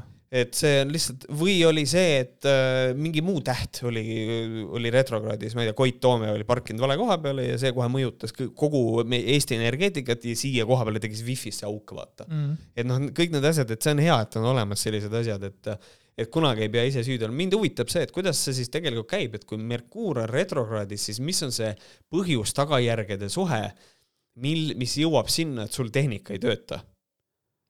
Ma, ma usun, et ma kasutan seda tegelikult üleüldse nende iga asja puhul, ütleme, et astun vahekorda, mul ei jäigastu, ma ütlen, et noh, Merkuur oli retrokraadis, kallis Merkuur oli retrokraadis äh,. tööl läheb midagi tuksi, ja, boss küsib, mis juhtus, kuhu kadusid kakssada tuhat eurot, ma ütlen, Merkuur oli retrokraadis. aga sa pead sellega minema nii kaugele, retrokraad, retrokraadis, retrokraadis. sa võtad bossil õlast kinni, tule õue. tule õue, nii boss mõtleb, tule see on kulturism, tappa õues. Lähed õue, nii, vaata üles. Mida ma vaatan, siis ta ütleb, näed, Merkuur, kus on? ma ei näe Merkuuri, sest et ta on retrokraadis, sellepärast ongi kõik halvasti. ja siis saad ennast sellega iga poolt välja vabandada. mul tuli siuke vahva asi meelde, et äh, kuna Kris Kala on mu lemmik, siis äh, Kris Kala tegi, kuidas see nimetatakse, ükssarvik, mis iganes ta tegi, ta tegi stuudio ja kõik asjad, et noh, et umbes a la, et nüüd te saate hakata kõik seal äh, reklaam, et saate hakata kõik seal lindistama asju, värgid, särgid, noh, see on värgid ja kõik saate ka videoga asju teha ja kõiki asju ja siis tegi esimese salvestuse ja nagu ütles välja, et, et see on nüüd siis nagu live, Facebooki live, kõik värgid, särgid, onju. äkki oli kantslerrooslasega, võib-olla ei olnud ja siis äh, läks natuke aega mööda ja siis tuli postitus, et no et sorry, et äh, et live jä- jäi ära, et ma kuidagi unustasin mingi kaamera sisse panna et tähendab, ta oli vist mingi läbi Zoom'i pannud midagi, et igatahes kokkuvõttes asi ei toimunud. ja ta räägib sellest, et tal on asi, mis toimub kõik ühe nupuvajutusega, ta ei suuda panna kaamerat käima. see, see, see on, see on, aga see see on, ongi teistele, et teised äkki suudavad aga. see on nagu nii nalja, ei, ei, aga see ongi, tema see point ongi see, et näed, keegi ei pea midagi tegema, et ainult ainult vajutad nuppu ta ei suuda mm -hmm. nagu kaamera, minu tunne see, vau, ma ei tea, mõnikord ei tasuks olla äkki nii aus mees. Mm. äkki ütleks, et meil olid tehnilised probleemid. midagi ütlema, ma panin midagi valesti, vajutasin vale nuppu, midagi, aga vähemalt võtab, ütleb, et tema võtab vastutuse. tema võtab vastutuse, Jah. võta vastutus. ma ei, ma, mul läks meelest ära, et kaamera peab töötama, et laivi teha. ei, Merkuuri retrokraadi, Re- putsi, vabandust, Merkuur oli retrokraadis. ütle, et Merkuur oli retro, on Merkuur oli retro. just. Ja siis ta, ja siis ta ütleb seda ka veel lisaks igaks juhuks, et noh, kui see Merkuuri jutt võib-olla inimesi ei veenda, siis ütleb, et täna on palju ärevikke selles protsessis Mhm. ja see mõjutab ka teda, kui inimesed on ärevuses, lähevad asjad kaosesse. ühesõnaga, kui sa kunagi äh, nagu sa ütlesid, sul ei jäigastu, siis võib-olla see on sellepärast, et sul on naaber on lihtsalt ärev mingi teise asja pärast. et noh, lihtsalt ümberringi on inimesed ärevad, ongi lihtsalt. see ongi päris hea, et nagu, et ka teised on süüdi jälle, võib-olla teised. unustas lihtsalt vajutada kümme minutit ja hiljaks nupu vajutamisega, siis äh, te olete ärevad, te olete süüdi. Merkuur on retrokraadis ja igast muud asjad mm. mm. -hmm. et see on äh, sihuke, aga see on tore, et alati saab teisi inimesi süüdistada. Ehm, siis äh, tegi selle webinari ajal hüpnootilist rännakut äh, ja, aga lähme numbrite juurde ka, et webinariga siis äh, liitus tuhat kakssada inimest. see on siis kolmteist tuhat kakssada eurot äh, ühe joorupi ajamise eest, et selgitada, et kõik, kes See on päris hea sissetulek. kusjuures mina ütleks, et see on päris hea sissetulek. Joe tuli, see ei ole nagu võimalik, noh. meil lihtsalt üks stuudio tuli väljas. aga eh, minu arust on see väga hea tulemus, tuhat kakssada inimest, see sissetulek kolmteist tuhat kakssada eurot on päris kõva, võttes arvesse, et Merkuur oli retro. et, et, et nagu sellele kõigele ei no kolmteist tuhat kakssada eurot, no kas see on mingi aasta sissetulek? Normaalsel inimesel või? täitsa nagu, täitsa nagu võib-olla, et noh, ma, ma kujutan ette, et ta käib see asi kindlasti ettevõtte alt, siis ta ütleb, kurat, see on päris hea asi, kurat, tegelikult, Andres, kolmteist tuhat kakssada. me oleme valel, me, meil on see business. absoluutselt ja ma sain teada, et peale seda kogu seda skandaali, mis siin on toimunud, on ju, selles Ants Rootslase asjas, Ants Rootslane ütles ise ka, et aga noh, mul on nüüd veel rohkem inimesi, selles mõttes, et kõik see, mis meie ka siin praegu teeme, tegelikult tuleb temale kasuks. jah, tegelikult küll jah, et äh, selles mõttes, et Ants, esitame arve sulle võib-olla, et mis on, fucking tuli, ma ütlen kumb tuli see on? ma ei tea, ma ei tea, me nüüd räägime vaatajatele sellest, mis stuudiotuled meil on, aga aga jah, meil on viimasel ajal kombeks, et üks tuli annab järsku olla. jah, ja ma just äh, tõmbasin Kris Kalale vett äh, peale, et äh, on ebaprofessionaalne, palun vabandust, Kris. tead, mis see on või? karma. See on ja karmaline karma ei ole kunagi halb, välja arvatud siis, kui üks tuli ära kõik inimesed, kes seda saadet kuulavad, pohhu, nad kuulavad seda siis, kui see on juba tehtud, onju, on väga ärevad ja sellepärast ongi, see on Merkuur on retro ja noh, see ongi, ma saan, ma tean, ma järsku hakkan Antsust aru saama täiega karma. kas sa oma Antsust ka aru saad? äh, mina oma Antsust saan paremini aru, ma sain oma peaaegu kolmekuusest beebist paremini aru kui rootslasest selles mõttes, et nagu, aga ma tahtsin öelda, et natukene veel, teine, teine tuli kustub ka ära, siis ma ütlen you know what rape is okay actually, et siis see ei ole võimalik, seal on värske stuff sees. seal on, seal on värske sees. ja siis, et teevad seal erinevaid harjutusi, tegid siis selle webinari jooksul äh, näiteks nad pidid määrama kõige aktiivsema tunde enda sees ja otsima, mis vanuses seda tunnet esimest korda tundsite. oota, aga mõtle praegu, pane silmad kinni, pane korra. mõtle oma kõige aktiivsema tunde peale, mis su sees on praegu. ma olen äh,, äh, kõige aktiivsem tunne on äh,, ma ei oska, ma ei oska seda kirjat-, kirjeldada, kergelt närvis, sellepärast et ma olen ikkagi performatiivses olukorras. kuna sa esimest korda tundsid seda tunnet? issand jumal, kui ma tagasi mõttes lähen, siis võib-olla mingid esimesed äh, laste mingisugused kuradi, kui oli, lavastati mingit lastega mingit kooli, koolinäidendid võib-olla mingid siuksed asjad nagu äh, tulevad mulle ette. aga kindlasti on lapsepõlves ka ikkagi, ma olen pidanud kuskil natukene esinema või midagi. tead, mis asi? mina pidin olema alati see, kui me läksime sünnipäevale, siis ema andis mulle lilled, ütles sina annad lilled ja siis ma tundsin ennast iga kord, ma olin nagu närvis, et nüüd on see palju õnne sünnipäevaks ja siis palun, et see ajas mind nagu närvi, ma mäletan.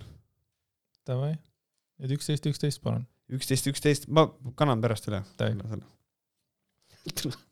Perse. ja siis ähm, äh, ja veel üks asi, mis on artiklis välja toodud, et nad olevat oma sisemise lapse võtnud sülle ja asetanud ta padjana endast väljapoole. oot, oot, oot, oot, oot, oot. Sisemise lapse, oota, ma võtan praegu sisemise lapse. kas Mhm. see on nagu siis nagu mina väiksena või siis minu need kurvad tunded, mis mul on, nagu on lapsepõlvest jäänud? ma ei ole rootslane, I have no idea. ja kui ma võtan need kurvad tunded, siis kas ma pean ikkagi tekitama mingisuguse nagu keha sinna ümber või, või, või millena? või ma võtan väikse enda nagu pildi järgi mäletan. sa manifesteerid. I guess oota, ma võtan selle iseenda väikse ja siis mm. -hmm. asetan ta padjana endast väljaspoole. kõik minu neli külge on väljas minust või? või nagu jah, padja alla mis mõttes padja on? aa, ta on padi. tunded on padja, padi, selge, minu viga. sa võtad oma sisemise lapse ja sa asetad ta padjana endast väljapoole, mitte lapsena endast väljapoole, aga ja padjana. siis ikkagi need tunded nagu padja sees, mitte nagu mingi minu nägu. ma saan nagu enam-vähem aru, mis selle asja point on, et see on nagu see, et inimestel lastakse nagu ette kujutada, ta võtab kõik negatiivse enda seest ja siis asetab selle kuskile ära. Ma saan sellest niimoodi aru, aga, aga see on mina, kunagi äh, oli üks äh, raamat ja siis seal oli see, et kui mingid noh, mingisugused mõtted on vaata, mis ei taha ära minna, et siis oli ka see, et et võta nagu, kujuta ette, et see on nagu vesi ja siis on niisugune väike nagu paadikene, siis sa paned vaata need, ütleme, et ma mõtlen vägistamise peale, siis ma panen selle vägistamise näiteks paadi peale mm. -hmm. ja siis nagu, ja siis noh, vaatan, kuidas ta nagu eemale uhub. Jama oli selles, et vaata, kui ma mõtlen mingi jama asja peale, ma panen selle paadi peale, suub ära, aga siis tuleb uus, palju ma neid paate saadan sellesama sellega, et see nagu ei no eh, sellepärast ongi paat on vähe, sul peab olema selle üks praam paat,, sa pead panema praam, et sa saad see noa, noalaev. noalaev ja siis sa paned kõik, vaata see sõltub sellest, noh, sõltub, kui palju pagasit sul on, mõne, Oi. mõnel on paat, mõnel on noalaev.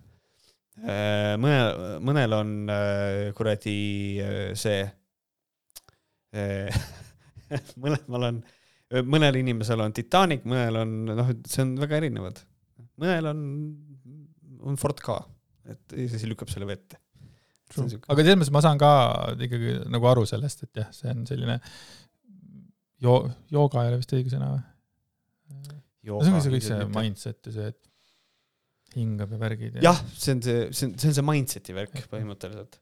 Äh, ja siis tuleb järgmine huvitav mõte, on see, et äh, Ants ütleb seda, et kui naised ei saa lapsi, siis väljendab see kehva sidet oma emaga ja kes lapsi ei saa, on sageli naiselikkuse osa endas lihtsalt maha surunud. ma ei oskagi nagu öelda, et äh, selles mõttes ma arvan, et nagu meeste puhul vastab see tõele jah, et kui mehed ei saa lapsi, siis me võime öelda, et nad on naiselikkuse maha surunud, me võime öelda, et see on objektiivne tõde. Aga mm aga kogu see nagu mõte sellest, et emaga on side halb, et nagu tegelikult ma arvan, et selle koha peal on erinevad naistearstid oskavad palju paremini seletada, mis on põhjus, miks lapsi ei saada. sa mõtled, mida ma teen, aga mul on probleem, sest et ma tegelikult tegin screenshot'i millegist ja see on kadunud. tahtsin sellest rääkida. oh no, it's gone. Fuck, mul oli jumala tähendab kogu selle teema kohta, et mida Ants Rootslane tegelikult oma raamatus ka kirjutas selle kohta, mul oli see oli screenshot itud, aga ta on kadunud kuskile. sest et Merkuur oli retros. jah, Merkuur oli retros. nagu see, see, näed, kõik, mitte ei ole see, et me oleme ise ebapädevad, kõik teised on süüdi. ja, ja, ja siis minu, minu enda lemmik on see, ta jutustab ka, kuidas tal tekkis kassiallergia. nii, siis mina mõtlesin äh, väga, okei okay,, kuidas Ants Rootslane selgitab oma kassiallergiat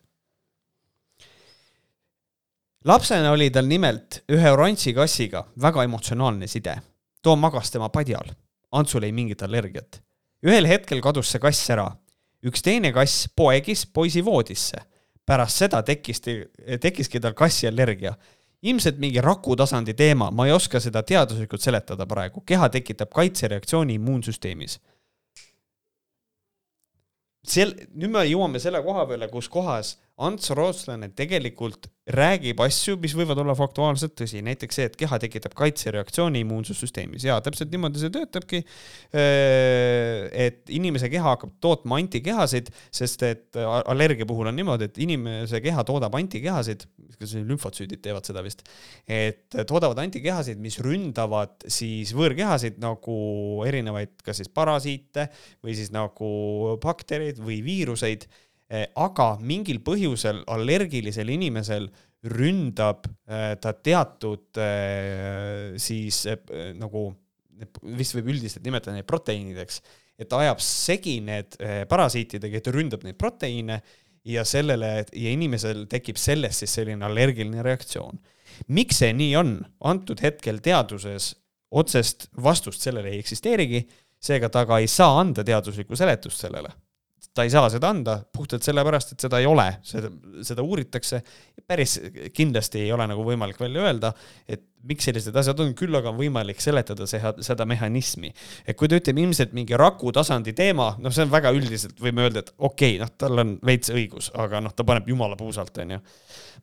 aga öelda seda, et see on sellepärast, et sul kass ma ei tea, poegis voodisse on nonsense et, äh, et see on, inimestel võivad allergiad tekkida, eriti puudutab see ka toitu, et teatud toiduallergiad, millest levinumad on siis pähkel, piim, muna äh, ja siis soja, eks ole et aga, et allergiad võivad inimesel elu jooksul ka tekkida ja ka ära kaduda. minu sõber oli minu kasside vastu niimoodi allergiline, et tal läksid silmad paistad, tulid silmakupast välja. enam ei ole et äh, allergiad võivad tulla ja minna, et selles mõttes. see on hästi huvitav, selles mõttes, kuivõrd intellektuaalne sina oled, et noh, mina lugesin selle ära, mul on ainult üks mõte oli peas. mis kuradi kast poegis poisi voodisse, sest ta ütles, et ühel hetkel kadus see kass ära ja üks teine kass. ta ei öelnud isegi, et minu, et no mu järgmine kass või midagi. üks, teine. teine kass tuli ja poegis minu voodisse kelle kass see oli? mis kass ja miks ta sinu voodis poegimas käib, et ma tahaks nagu seda infot nagu rohkem saada, et see on nagu palju huvitavam lugu, et kuidas see nagu toimus, kas noh, aga tulles tagasi selle, selle juurde, miks naised ei saa lapsi, siis äh, ma ei tea, kas sa märkasid seda, et äh, nii kui see artikkel üleval, siis mul läks mõni minut aega, ma tegin sellest äh, sellest nagu screenshot'i, panin Twitterisse, sa hakkas oma elu elama seal mm, -hmm. kõik kirjutasid alla oma mõtteid ja asju ja siis äh, järgmine päev vaatasin mingi Ants, Ants Rootslase mingi Elu24 uudis oli seal, vaatasin, oo, halloo, mingi tekst, siis esimesena oli minu tweet siis Mm. olid seal tweet'i alt olid need asjad, siis oli veel kellegi teise tweet ja siis oli all ja Märt Koik vaidles Brigitte Susanne Hundiga, ma olin, et noh, well, et nagu see, see oli nagu nii pullilt oli kokku pandud kõik see, et, et aga Jaa. ma tundsin väga toredasti ennast, et minu tweet oli kohe kuidagi jälle esimesena, et nagu, aitäh. jah, suur tänu ja, ja kusjuures sellest, et naiselikkus on alla surutud, siis ma väga vabandan, aga ma kahtlen sügavalt, et mingisugune kahekümne viie aastane fucking noor kutt oskab meile nüüd nii täpselt sellest naiselikkusest rääkida, fuck off, nagu ma lihtsalt ei, nagu know your role, sorry. ja nüüd jälle, oota, me siis süüdistame, süüdistame siis nüüd jälle äh, nagu selles mõttes Naisi, naisi, ja jaa. et, et te ei ole nagu piisavalt naiselikud et ei saa lapsi. sina, kaunis naine, kes sa sooviksid väga saada lapsi, aga see ei ole sul veel õnnestunud, siis tea, et äh, sa ei ole piisavalt naiselik. jah, just, et see. By Ants. et nagu Ants ütleb, sa ei ole piisavalt naiselik, sa oled selle alla surunud ja sul on ilmselt emaga. ja mõtle, kui emaga on ülihea chill. ja jaa, ongi. siis, mis ma nüüd teen siis, onju, hullult naiselik on, noh, hull, noh. et, et selle koha peal tahakski rõhutada seda, et lugupeetud naised, kes te ei saa lapsi, et ei, ei ole selles ilmtingimata ise süüdi, et noh, et, et selles ärge kuulake mingisugust joorupi venda. jah, et minna mingi, maksta üksteist euri, on- siis ei, kuulata, kuidas õi- sind ennast fucking süüdistatakse sul on. jumala õigus tegelikult, tõesti mingi kahekümne viie aastane noormees teab nagu nii palju siis nagu naistest ja asjadest, et nagu jah, ekspert. ja see oli ka pull, et ühes podcast'is ütles ka, et no ja siis ma käisin ühes, ühel koolitusel, ühe nõiakoolitusel ja oli, no millest me nagu räägime nagu, ta käib mingi nõiakoolitusel, ma, mina, noh, mina hakkan järgmisel suvel, ma hakkan korraldama jobikoolitusi, aus, et kuidas olla jobi, lihtsalt, kuidas olla jobi või? kuidas olla jobi, mitte kuidas lasta jobi, vaid kuidas olla jobi ma lihtsalt hakkan tegema koolitusi, mul on ju, et noh, et aga CV-s ikkagi kirjas, mõtle, käisin nõiakoolitusel, siis William Koval õpetas mind partisani sõda pidama ja siis õhtul äh, oli veel nii palju aega, registreerisin, oli kolmepäevane jobikoolitus. mis on minu jaoks üllatav veel Ants Rootslase puhul on see, et ta ikkagi, kui tavaliselt sellised mindful inimesed nagu võib-olla ei torka teistele nagu babahhi mm. -hmm. siis äh, näiteks ühes podcast'is ta torkas Merilin Naule babahhi, et ta sihuke mõttetu beib ja siis ta ütles, et äh, ühes podcast'is ta ütles, et ta jälgib äh, erinevaid life coach'e et need, kes on elus läbi põlenud ja ta lihtsalt vaatab huviga ja nagu ta jälgib neid. ühes teises podcast'is ta ütles, et äh, no ja siis nagu mingi kuradi William Koval ja siis hakkas William Kovalit trash ima. siis ma sain, aa, ma panin kokku kaks podcast'i, ta jälgib mõnda life coach'i, kes on elus läbi kukkunud, William Koval ja siis teises saates retsib William Kovalit. see on Jah. nagu pull, et äh, kas ka. tal on ikka clout'i ka vaja nagu. et see, see on jälle minu jaoks nagu küsimus, et ka noh, kui sa oled selline mindful inimene, et kas siis on nagu õige nagu anda hinnanguid siis nagu äh, Merilin Naule või William Kovalile või life coach idele selles mõttes, et äh, aga noh, see on, see on ta on teistmoodi ta on, ei ta on, ta on, ei absoluutselt ta on teistmoodi, ilmselgelt ta on teistmoodi, tema, tema, ta ütles ka, et kuidas ta riietub, et noh, tema riietub ikkagi nagu ägedalt, et tema ei ole nagu see vend, kes linasest paneb ringi, vaata, ta on ikka kuu aja mees, et kui sa tahad ikka hea olla oma asjas, sa pead ka hea välja nägema ja kõik need asjad, eks. no vaadates tema kuradi seda paycheck'i, siis ma arvan, et ta saab ka lubada seda endale. no kolmteist tuhat kakssada eurot äh, ühe joorupi ajamisega, webinariga. see on kõva, Holy shit see. on kõva. ettevõte saab osta esindus, esindusriideid talle ja see on, ma arvan, et see kõik on väga ilusasti Mhm. läbi mõeldud. siis ta on siin ähm,, aa ja siis artikli autor toob välja ka selle, et tegelikult, et vahepeal on webinar Puhas enesearengu klassika, Ants tuletab meelde, et ähm, et noh, et on erinevad rollid, mida inimesed täidavad ja siis kõik ja nii edasi, siis mis mulle meeldib ja miks mitte teha taotlus, nagu ta soovitab, öelda kõva häälega välja, et praegu olen ma ainult selles ühes rollis, näiteks ema või töötaja. ok, tundub lihtne. tundub väga lihtne. aga mis mul, mul on Pane- vaja jälle vahele segada. üks asi, mis ma Ants Rootslase sellest podcast'ist ühe mõtte, mis ma kaasa võtsin tegelikult, mis mulle väga meeldis, oli see, et äh, ei tohiks tegeleda mitme asjaga korraga, et noh, ja need, kuna ma ise tegelen hästi paljude asjadega korraga, ma tunnen, et nagu asjad kasvavad üle pea erinevate asjadega, siis ma nagu mõtlesin hm,, kurat, tal võib täitsa õigus olla, võtsin, panin mõned asjad kõrvale, tegelen mingi kindla asjaga korraga. see oli lihtsalt selline hästi lihtne nagu mõte, vaata, mida Mhm. tegelikult noh, võiks seda ise ka pähe tulla, aga mõnikord hakkab nagu ennast üle hindama ja järjest teed, teed, teed, üks hetk avastad, fuck. ei, ei absoluutselt, ma nagu sa- saan sellest isegi täitsa aru, et noh, selles mõttes katkine kell on kaks korda päevas õige ähm,. siis, mis, mis mulle väga meeldib, on see, et ähm, kes see oli, Peters või? äh, äh, koroonaviiruse üle arutavad. ja koroonaviiruse teadvuse üle ja Ants Rootslane kinnitab, et viirusega on võimalik kokkuleppeid saavutada. kui sa vaatasid Eesti Laulu äh, neid poolfinaale ka, siis seal oli ju sketš, kus kohas peeti koosolekut koroonaviirusega. Mulle see väga meeldis ja siis ma mõtlesin, et huvitav, kas äh, noh, see toimus enne äh, seda, et Ants Rootsen ikkagi nägi seda sketši ette, võib-olla kirjutas isegi selle sketši. et viirusega on võimalik kokkuleppeid saavutada. või Kertu Jänes andis informatsiooni edasi. tal oli see info oli ennem olemas, vaata. siit võib tulla mingi kama hea tegelikult. ja siin Ants Raudsaar võib tegelikult minna kohtusse, et tema mm. idee on nagu röövitud, et siin nagu selles mõttes, äh, et see vastab tõele, et kuna ma ise ei ole siiamaani koroonaviirusesse nakatunud, siis mina selle asemel olen istunud temaga kohvilaua taga. meil oli vahepeal igaks juhuks, ma ei tahtnud temaga isegi kokku puutuda, olen ka vestelnud temaga Skype'is koroonaviirusega ja öelnud, et kuule, ma ei tahaks haigeks jääda, siis olen temaga täitsa selle teemal. mis nagu keeles te räägite, kas, kas nagu oma sisemise lapsega või teil on ikka mingi nagu päris? ma lihtsalt röögin niimoodi, noh, nagu nii kiiresti, see on ka tujurikkus, see on ka röövitud idee, vaata see kogu see sketš, et niimoodi on vaja koroonaviirusega rääkida, piniseme üksteise suunas lihtsalt. see oli kõva kas sa mõtled seda Jan Uuspõllu oma seda, et ta karjus koroona ära või? ei, ei, ei, see on äh, see, kus kohas mees läheb äh, raadioga poodi, tujuriku sketš. ja, ja, ja, aga vaata seal Eesti Laulus oli see üks kõige viimane sketš oli, kus Jan Uuspõld karjus äh, ei. inimeste peale, et nagu seda koroonat, ta karjus nagu inim-, nagu koroona peale, aga noh, samas nagu inimeste peale, no see oli siuke noh, et see. ei, see, see, see oli, see. seda ma mäletan väga hästi, seda, seda. kas ta teeb ka? aga võib-olla, võib, võib-olla niimoodi jah ja siis keegi teeb pulli ka, et siis küsiti Ants Rootslaste käest, et kuidas ära tunda reptiilid ja Ants tunnistab naerdes, et seda ta ei tea, ta pole kunagi ühtegi näinud. vähemalt äh, ja seegi, aga, aga selle jaoks on meil järgmine webinar. Andero Pebre äh, on olemas ja toimib see mees on, see mees on pöörane. see on mul isegi Kristi Loigo kirjas, ma ei suutnud, ma äh, mainisin Andre tervelt kaks korda, aga. see on hea, et ma sulle ütlesin Patreonis, et äh, Andre Pebre istus tagaistmel, ma tundsin ennast nagu, et noh, ma olen ka natuke osaline selles. jah, muidugi, muidugi. et aga, aga mis puudutab seda reptiili küsimust, siis mõtlege õudne, äkki teda nagu küsiti tema käest seda Antsu käest nagu täiesti siiralt. kindlasti et nagu ikkagi, et sul on nagu seal äh, nagu Psychod ka koos, nagu kuidas reptiilid ära tunda. et see on ikka tegelikult õudne. ja siis, kui webinar lõppema hakkas, siis Ants ütles niimoodi, et inimesed küsivad iga päev nii palju küsimusi ja mul on kõigele vastused olemas. aga ma olen jube kehv vastaja, vastan pikalt ja põhjalikult, mõnikord inimesed ei jõua ära kuulata mu vastust. et selles mõttes Ants on selles mõttes väga enesekindel, et ta teab väga täpselt, et tal on kõigele vastus olemas.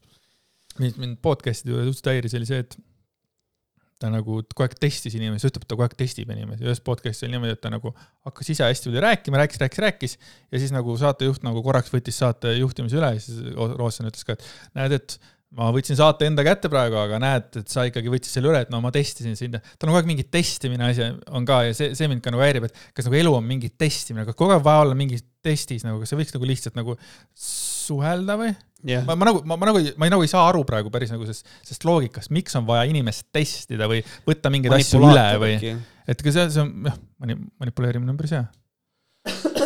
et, äh, et see on niisugune ja siis ütleks äh, lõppu veel selle ka, et kui webinar läbi oli, siis webinaris osalejad nagu muljetasid omavahel ja siis ähm, äh, üks inimene kirjutas chati ja sai väga palju likee, et vanasti oli igas kodus piibel, nüüd on Antsu raamat. Aga noh, see on tegelikult mõnes mõttes näitab väga palju seda Eesti trendi, et meil on need müstikud teenivad tohutult palju pappi, müüvad väga palju oma raamatuid. Um, aga mina usun, et statistiliselt on äh, vanasti oli igas kodus ja on siiamaani EE või ENE. kõikidel on need kodus. Eesti Nõukogude entsüklopeedia, et nagu ma ei usu, et piiblit oli nii paljudes kodus kui enesid, ma mäletan seda, et minu ema ja isa ostsid neid ka alati kaks tükki minule, et siis, kui noh, mina ja õde nagu lendame pesast välja, et siis õde saab nagu need ühed vaata ja siis mina saan, et kaks paari ostis alati no nüüd need on need kaks paari neil nagu kodus vaatad kõiki neid äh, enesid. noh, sellepärast, et aeg on edasi läinud Holy ja shit. me ei, me ei, nagu ei, ei vaja vaja seda. ja, ja, ja, ja kusjuures. aga vaata, kui armas mõte tegelikult. ja minul vana, vanemate kodus on ka on olemas äh, siis ened ja mis nad pärast olid e, e-d äh,. kuigi kõik nimetasid enedeks ja, ja siis on veel olemas veel need, mis olid enne, need suuremad pruunid, mingisugused vanemad ened nagu need ka, et ma ei tea, siin võib-olla peaks mõne kollektsionääri, kollektsionääriga rääkima, võib-olla saab need maha müüa neil. aga vist enesid väga maha müüa ei saa, sest tõesti igas kodus olid need, mul on küll tunne, et kõik kaheksakümnendate inimesed äh, omasid neid. ma ei kujuta ette, ma pean isaga vist kuradi õues maadlema, et äh, tened maha müüa ma ei kujuta ette. Mhm. aa, kusjuures meil oli sinuga vestlus teemal, et kui kaua minu isa sõitis Žiguliga. Minu isa ostis äh, Žiguli aastal tuhat üheksasada kaheksakümmend viis ja ta sõitis sellega aastani kaks tuhat üks. Davai, see oli Patreonis, see oli meil Patreonis vestlus jah, et äh, see on tal kõige kauem olnud auto, siis peale seda ta sõitis, ta sai vist aasta või umbes või kaks sõita Audi kaheksakümnega, siis see varastati ära, siis ta ostis Opel Vectra, see oli tal vist viisteist aastat, minu teada vist, et nagu peaaegu sama kaua. Ja siis nüüd ta sõidab äh, Daciaga, et äh, mina ostsin Seat Leoni aastal kaks tuhat kolm ja müüsin ta maha aastal kaks tuhat kuusteist. seega ma tõmbasin kolmteist aastat, ja, see on minu kõige, kõige pikem. Et selles mõttes, aga kusjuures see on nii naljakas, sest et äh, ma vestlesin oma emaga ja, ja, ja mu ema tahtis minuga vestelda just nimelt, ta kuulas meie Patreoni ära, ta tahtis selle, selle auto teemal vestelda, et me just meie isaga siin arvutasime tagasi mõtlesime, et nad ikkagi tegelesid sellega. et tema arvas ka, et kuskil üheksakümnendate lõpus, aga ei, kaks tuhat üks aasta. kas sul isa kuulab ka või? nii palju, kui ma olen aru saanud, siis vahepeal jah. Aga mu isa on niisugune mees, et ta pigem jalutab koeraga õues ja siis no nagu ma ütlesin, ta ah,, ja siis sellest oli ka juttu, ta ütles, et noh, et tegelikult, et, et saada ei olnud mitte midagi, et sellepärast oligi, et pidid autot ise remontima kogu aeg, mingi niisugune asi, et, et, et see oli ka teema, pluss kui me lähme, et kahe tuhandendatel, siis äh, kui sa oled aastal kaks tuhat ja sa remondid oma Žiguliid, siis kui sa tahad uut varuosa saada, siis sa pidid minema Tallinnasse, ei vist Eesti ainukesse kuradi Žiguli poodi neid ostma, et et see oli ka nagu suur probleem, siis oligi nagu targem ise mingeid asju nagu teha ja siis oli, oligi nagu see probleem, et auto on seest veits juba custom, et sa oled mingi ise ehitanud asju sinna ja niisugune. aga kaks tuhat üks aastal, jah, kuusteist aastat. ja põhimõtteliselt sama aasta, kus Ants Roossonen sündis. jah, vist, ma ei Ah, siia-sinna. siia-sinna Jesus, kui noor ta on, kui niimoodi hakkab, üheksakümmend kuus aasta laps või? mm. -hmm. kuule, see on täiesti perses, see on minu jaoks on siiamaani, kui keegi ütleb, et ta on sündinud aastal, ma ei tea, üheksakümmend viis, siis ma mõtlen, et ta on laps, aga noh, tegelikult vaata, see on, sa oled nagu kinni selles enda nagu sünniaastas alati.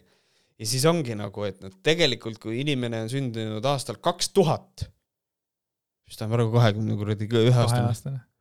nagu kakskümmend kaks juba. juba kakskümmend kaks. täitsa perses, lõpetage ära see on ebareaalne. lõpetage ära, please stop, et see on ikka täiesti, see on täiesti hullumeelne, ma leian, et see on asi, millega kõik inimesed saavad samastuda, on see, et Mhm. nad ikkagi on kinni enda selles sünniaastas. aga noh, Ants Roossonen ütles ka podcast'is, tulen korra tagasi selle peale, et, et, et tuleb uurida enda nagu seda suguvõsa teemat, et kui ikkagi mingil, ütleme, vana-vana-vanaemal a la olid mingisugused halvad suhted mingite meestega, siis nagu kõik need asjad korduvad ja mingid sellised asjad räägib, et, et noh, et siis te nagu saate teada, millest, miks teil ei, seal meest ja mingit asja. et nagu seda, seda sitta tuli sealt nii palju, et ma ei kujuta ette nagu, kui Ants Roossonen kuuleb, siis ta võib tegelikult äh, saata meile äh, kaks koopiat oma raamatust. sellepärast, et ma tahaksin nagu täitsa lugeda, mis sitta seal tegelikult veel on. ja William Kavali raamatut tahaks ka lugeda, sest äh, osta ei taha, onju. ei, et meile kirjutati ka, et kas te olete nagu seda lugenud ja kas tahaksite sellest rääkida, siis jaa, ma tahaks sellest väga rääkida. aga ma ei ole nõus seda ise ostma, keegi tahab saada, kui keegi tahab jumala eest, saata, ärge palun ostke William Kovali raamatut. no. aga ma olen nõus seda lugema, ma olen nõus nagu oma aega panustama nii Ants Ro-, Ants Rootslase kui William Kavali raamatutes, kui ma saan need raamatud. I m worth it. I m worth it, ühesõnaga, selge, aga äh, nii palju siis Ants Rootlasest ähm,. Üldiselt äh, piinlik ja kurb äh,, et sellised seisukohad on inimesel, aga nagu ma ütlesin, ma olen alati nõus selle teema temaga debatti pidama, mul ei ole selle vastu midagi. ja nüüd ma, kas ma sain õigesti aru ta Instagrami postitusest, et ta vist, ma ei tea, tahab anda sellele ka mingi ametliku käigu, et, et äh, seda sa ei ole lugenud seda ma ei tea, ma ei ole jälginud teda mm,? Instagramis okei okay., siis äh, ma pigem ei hakka siin sõnu loopima. okei, teeme, teeme siis pigem niimoodi. aga äh, mis nüüd sa-, haakub antud teemaga väga hästi, on see, et meile kirjutati äh, üks kiri. ja, ja see kiri räägib nagu väga sarnasel teemal. ja see kiri, loeks selle nüüd ette. kiri on järgnev. hei, hei, olen juba mõnda aega kuulanud ning üks hetk jäi kõrvu Andrese sõnakõlks hüpnotisöörid ja muud soolapuhujad. täpset haigushoogu ei mäleta, aga see pole ka antud hetkel oluline. olen nõus sellega, et Eestis on hüpnoosil küljest spirituaalne maik, kuid on tõestatud, et õigetes tingimustes võib sellest ähm, kasu saada nii eraldiseisva kui ka kaasneva teraapiana. kahjuks puudub siin kohalikul tasandil igasugune professionaalne väljaõpe ning ainus võimalus on seda õppida läbi transpersonaalse psühholoogia prisma. transpersonaalne psühholoogia sidumine spirituaalse maailmaga. sarnastel põhjustel on seda kogu maailmas võrdlemisi vähe uuritud. noore psühholoogia tudengina teeb see meid äärmiselt murelikuks, sest näen hüpnoteraapias meeletult suurt potentsiaali, eriti laste ja soorituspsühholoogia puhul. mis asi on äh, soorituspsühholoogia? Äh, tähendab, mis mul see mõte tekkis, on sellele, et mul on nii kahju, et see et see hüpnoosi värk ei toimu niimoodi, nagu välismaa filmides toimub, et nagu isegi kui sa nagu noh, ei usu, et isegi kui sa isegi sellesse ei usu, et sind ikkagi hüpnotiseeritakse, sest et äh, just, et kui meie osalesime saates Hüpnotisöör äh, Jüriga, siis äh, äh hüpnotisöör Marissa äh, ehk siis Maris Saar samamoodi nagu noh, proovis meid hüpnotiseerida. onju, noh, ma olin nagu kahtlev, aga nagu samas ei olnud ka, eks ole, onju. ja siis äh, aga, aga ta ütles, ta ütles mulle, Maris ütles niimoodi, et, et nad juba nagu silmade järgi näeb ära, et umbes, et noh, keda saab äh, ja keda ei saa äh, hüpnotiseerida. aga, aga meie silmad siis nagu näitasid, et meid saab hüpnotiseerida. aga mina nagu tunnen, et meid ei hüpnotiseeritud. aga üks tüüp, ma vist rääkisin sellest ka, üks tüüp, see kolmas tüüp, kes seal ka oli meiega siis ka selles saates, siis, siis kui see hüpnoosi värk käis, siis ma nagu piilusin kõrvalt niimoodi too ikka täiesti nagu vajus ära, ma mõtlesin, mõtlesin, ma, no, ma hakkasin naerma kinni, see ei ole nagu reaalne nagu, et nagu see niimoodi mõjub ja ma ei teagi, kas ta nagu päriselt see mõjus või seal oli mingisugune või ta näitles või see ei olnud nagu reaalne nagu, kuidas ta nagu päriselt nagu kukkus nagu täiesti ära. ma arvan, et on võimalik muidugi, et ja me Jüriga nagu olime, et okei okay,, et muidugi me võime silmad kinni olla, kuulame selle hääle ja kõik see, et, et et kokkuvõttes äh, me, et mul on nii kahju, et see ikkagi ei toimi päris niimoodi nagu filmides, et tõesti, et, et kui sina tahad mind hüpnotiseerida või see siis ikka oleneb hüpnotisöörist, äkki hüpnotisöör Ants äh, suudaks mind hüpnotiseerida? peale seda saadet kindlasti mitte, ma arvan, et sa oled juba energeetiliselt, ma arvan, et sinu jaoks on Merkuur äh, nagu permanentselt retrokraadis, et ilmselt ei tule seda tuleb see sõna nii hästi välja, retrokraadis. retrokraadis see on jah. mõtlegi sooritud psühholoogia, et kuna me, ma pidin ka seal sooritama midagi, Jüri pidi ka sooritama seal mingit asja, siis me küll tegime oma asjad ära, aga meil ei olnud eriti kõrgele seda latti jäänud, et me seda niisama ära teinud, vaata, et noh, kaamera on, küll me need ära teeme, aga et mm, -hmm. et ei, see oleks pull jah, kiri läheb edasi. nüüd, kui teema on uuesti päevakajaline, võtan end lõpuks kokku ja panustan oma kaks senti. Järjest tugevam seos spirituaalse maailmaga devalveerib tera teraapia mõju, sest nagu iga teise teraapia puhul kehtib ka siin rusikareegel. selleks, et inimene saaks teraapiast maksimaalset kasu, peab ta ise selle toimimisse uskuma ja koostööd tegema. samuti mõjutab efekti ja lähikondlaste ning üldise teadusliku maailma arvamus. Placebo is a hell of a drug samas on tõendatud hüpnoteraapia positiivset mõju näiteks depressiooni ja ärevuse patsientidel ja nii edasi. eriti tõhus on hüpnoteraapia laste puhul, näiteks protseduurilise valu ja düstressi vastu, kuid ka sellele avaldab tugevat mõju lapsevanemate ning meditsiinitöötajate suhtumine, mis äh, tuleneb üldise teadusliku maailma seisukohast. seetõttu on äärmiselt oluline, et teraapia oleks tunnustatud ja teaduspõhine, mida hüpnoteraapia hetkel Eestis kahjuks pole.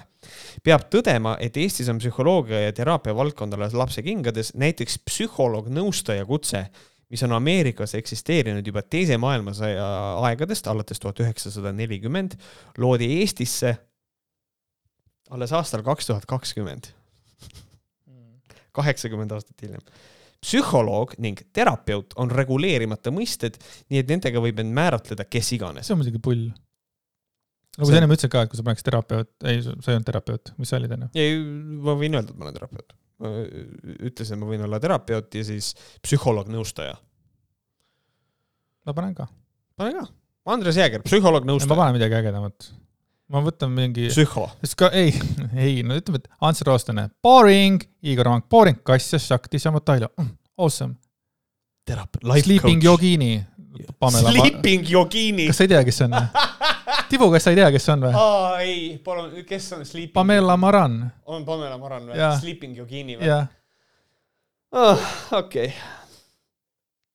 nii ähm,. et psühholoog ja terapeut on reguleerimata mõisted, nii et nendega võib end määratleda kes iganes, sellegipoolest tahan loota, et asi paraneb rohkem ametinimed ametinimesid võetakse kutsetunnustuse kaitse alla, sest iga suvaline müügimees, nimesid nimetamata, ei ole kompetentne inimesi aitama. põhjalike eelnevate teadmisteta eetikast ning protsesside toimimisest võidakse levitada eksiarvamusi ja teha inimestele hoopis kahju, mida on hiljem juba tunduvalt keerulisem heastada. psühholoogia valdkonnas on spirituaalsed inimesed äärmusel, äärmiselt tegusad ning võib-olla osati seetõttu ei peeta psühholoogiat teatud ringkondades tihti päris teaduseks. samas on probleemist rääkimine keeruline, sest häälekas vähemus on veendunud, et asi on puhtalt läbikukkunud psühholoogide kadeduses nende suhtes, kes on edukamad. ja siis on välja toodud äh, allikaid, millele on tuginetud ja on paar tasulist artiklit ka siia visatud ja on kirjutatud, et kui peaks tekkima mõtteid, küsimusi või täpsustusi, siis olen alati valmis selle teemal ka arutlema. kõike paremat et ühesõnaga, see on niisugune väga asjalik nagu selles mõttes, et see ikkagi jälle nagu järjekordselt nagu rõhutab seda probleemi, et meil on äh, soolapuhujaid on väga palju ja devalveerivad siis seda, mis nagu päriselt võib inimesi aidata. no Ants Rootslane ütles ka, et noh, kuna tema nagu oskab, et, et ta ütles, et Ants Rootslane ütles, ta ei ole kõige parem, ta ei ole kaugelt kõige parem, aga ta ütles, et ta nagu oskab suhe, ta oskab nagu esineda ja see ongi nagu tema see võlu, et, et ütleme, kui psühholoogid ja need, et kui nad ennast nagu rohkem reklaamiks või ütleme siis nagu esineks paremini, et siis noh, et siis ma ei tea, kas tal oleks leiba või ei oleks, on ju. Mhm. Eh, mul hakkas teine küsimus, et aga kui on näiteks mingisugune psühholoog, kes on kuskil firmas nagu tööl, noh, ta on mm -hmm. töötaja seal, kas üldse tohib sellist ja kamarajoora ajada või? või üldse hakata mingit reklaami endast tegema või, või, või, või hullult nagu netis äh, äh, nagu psühholoog just nagu sõna võtma või? Ma ei tea seda. mul nagu noh, siin on see, siin on see kutse-eetika küsimus muidugi vaata ja siin ongi, et, et, et ega ma ei tea.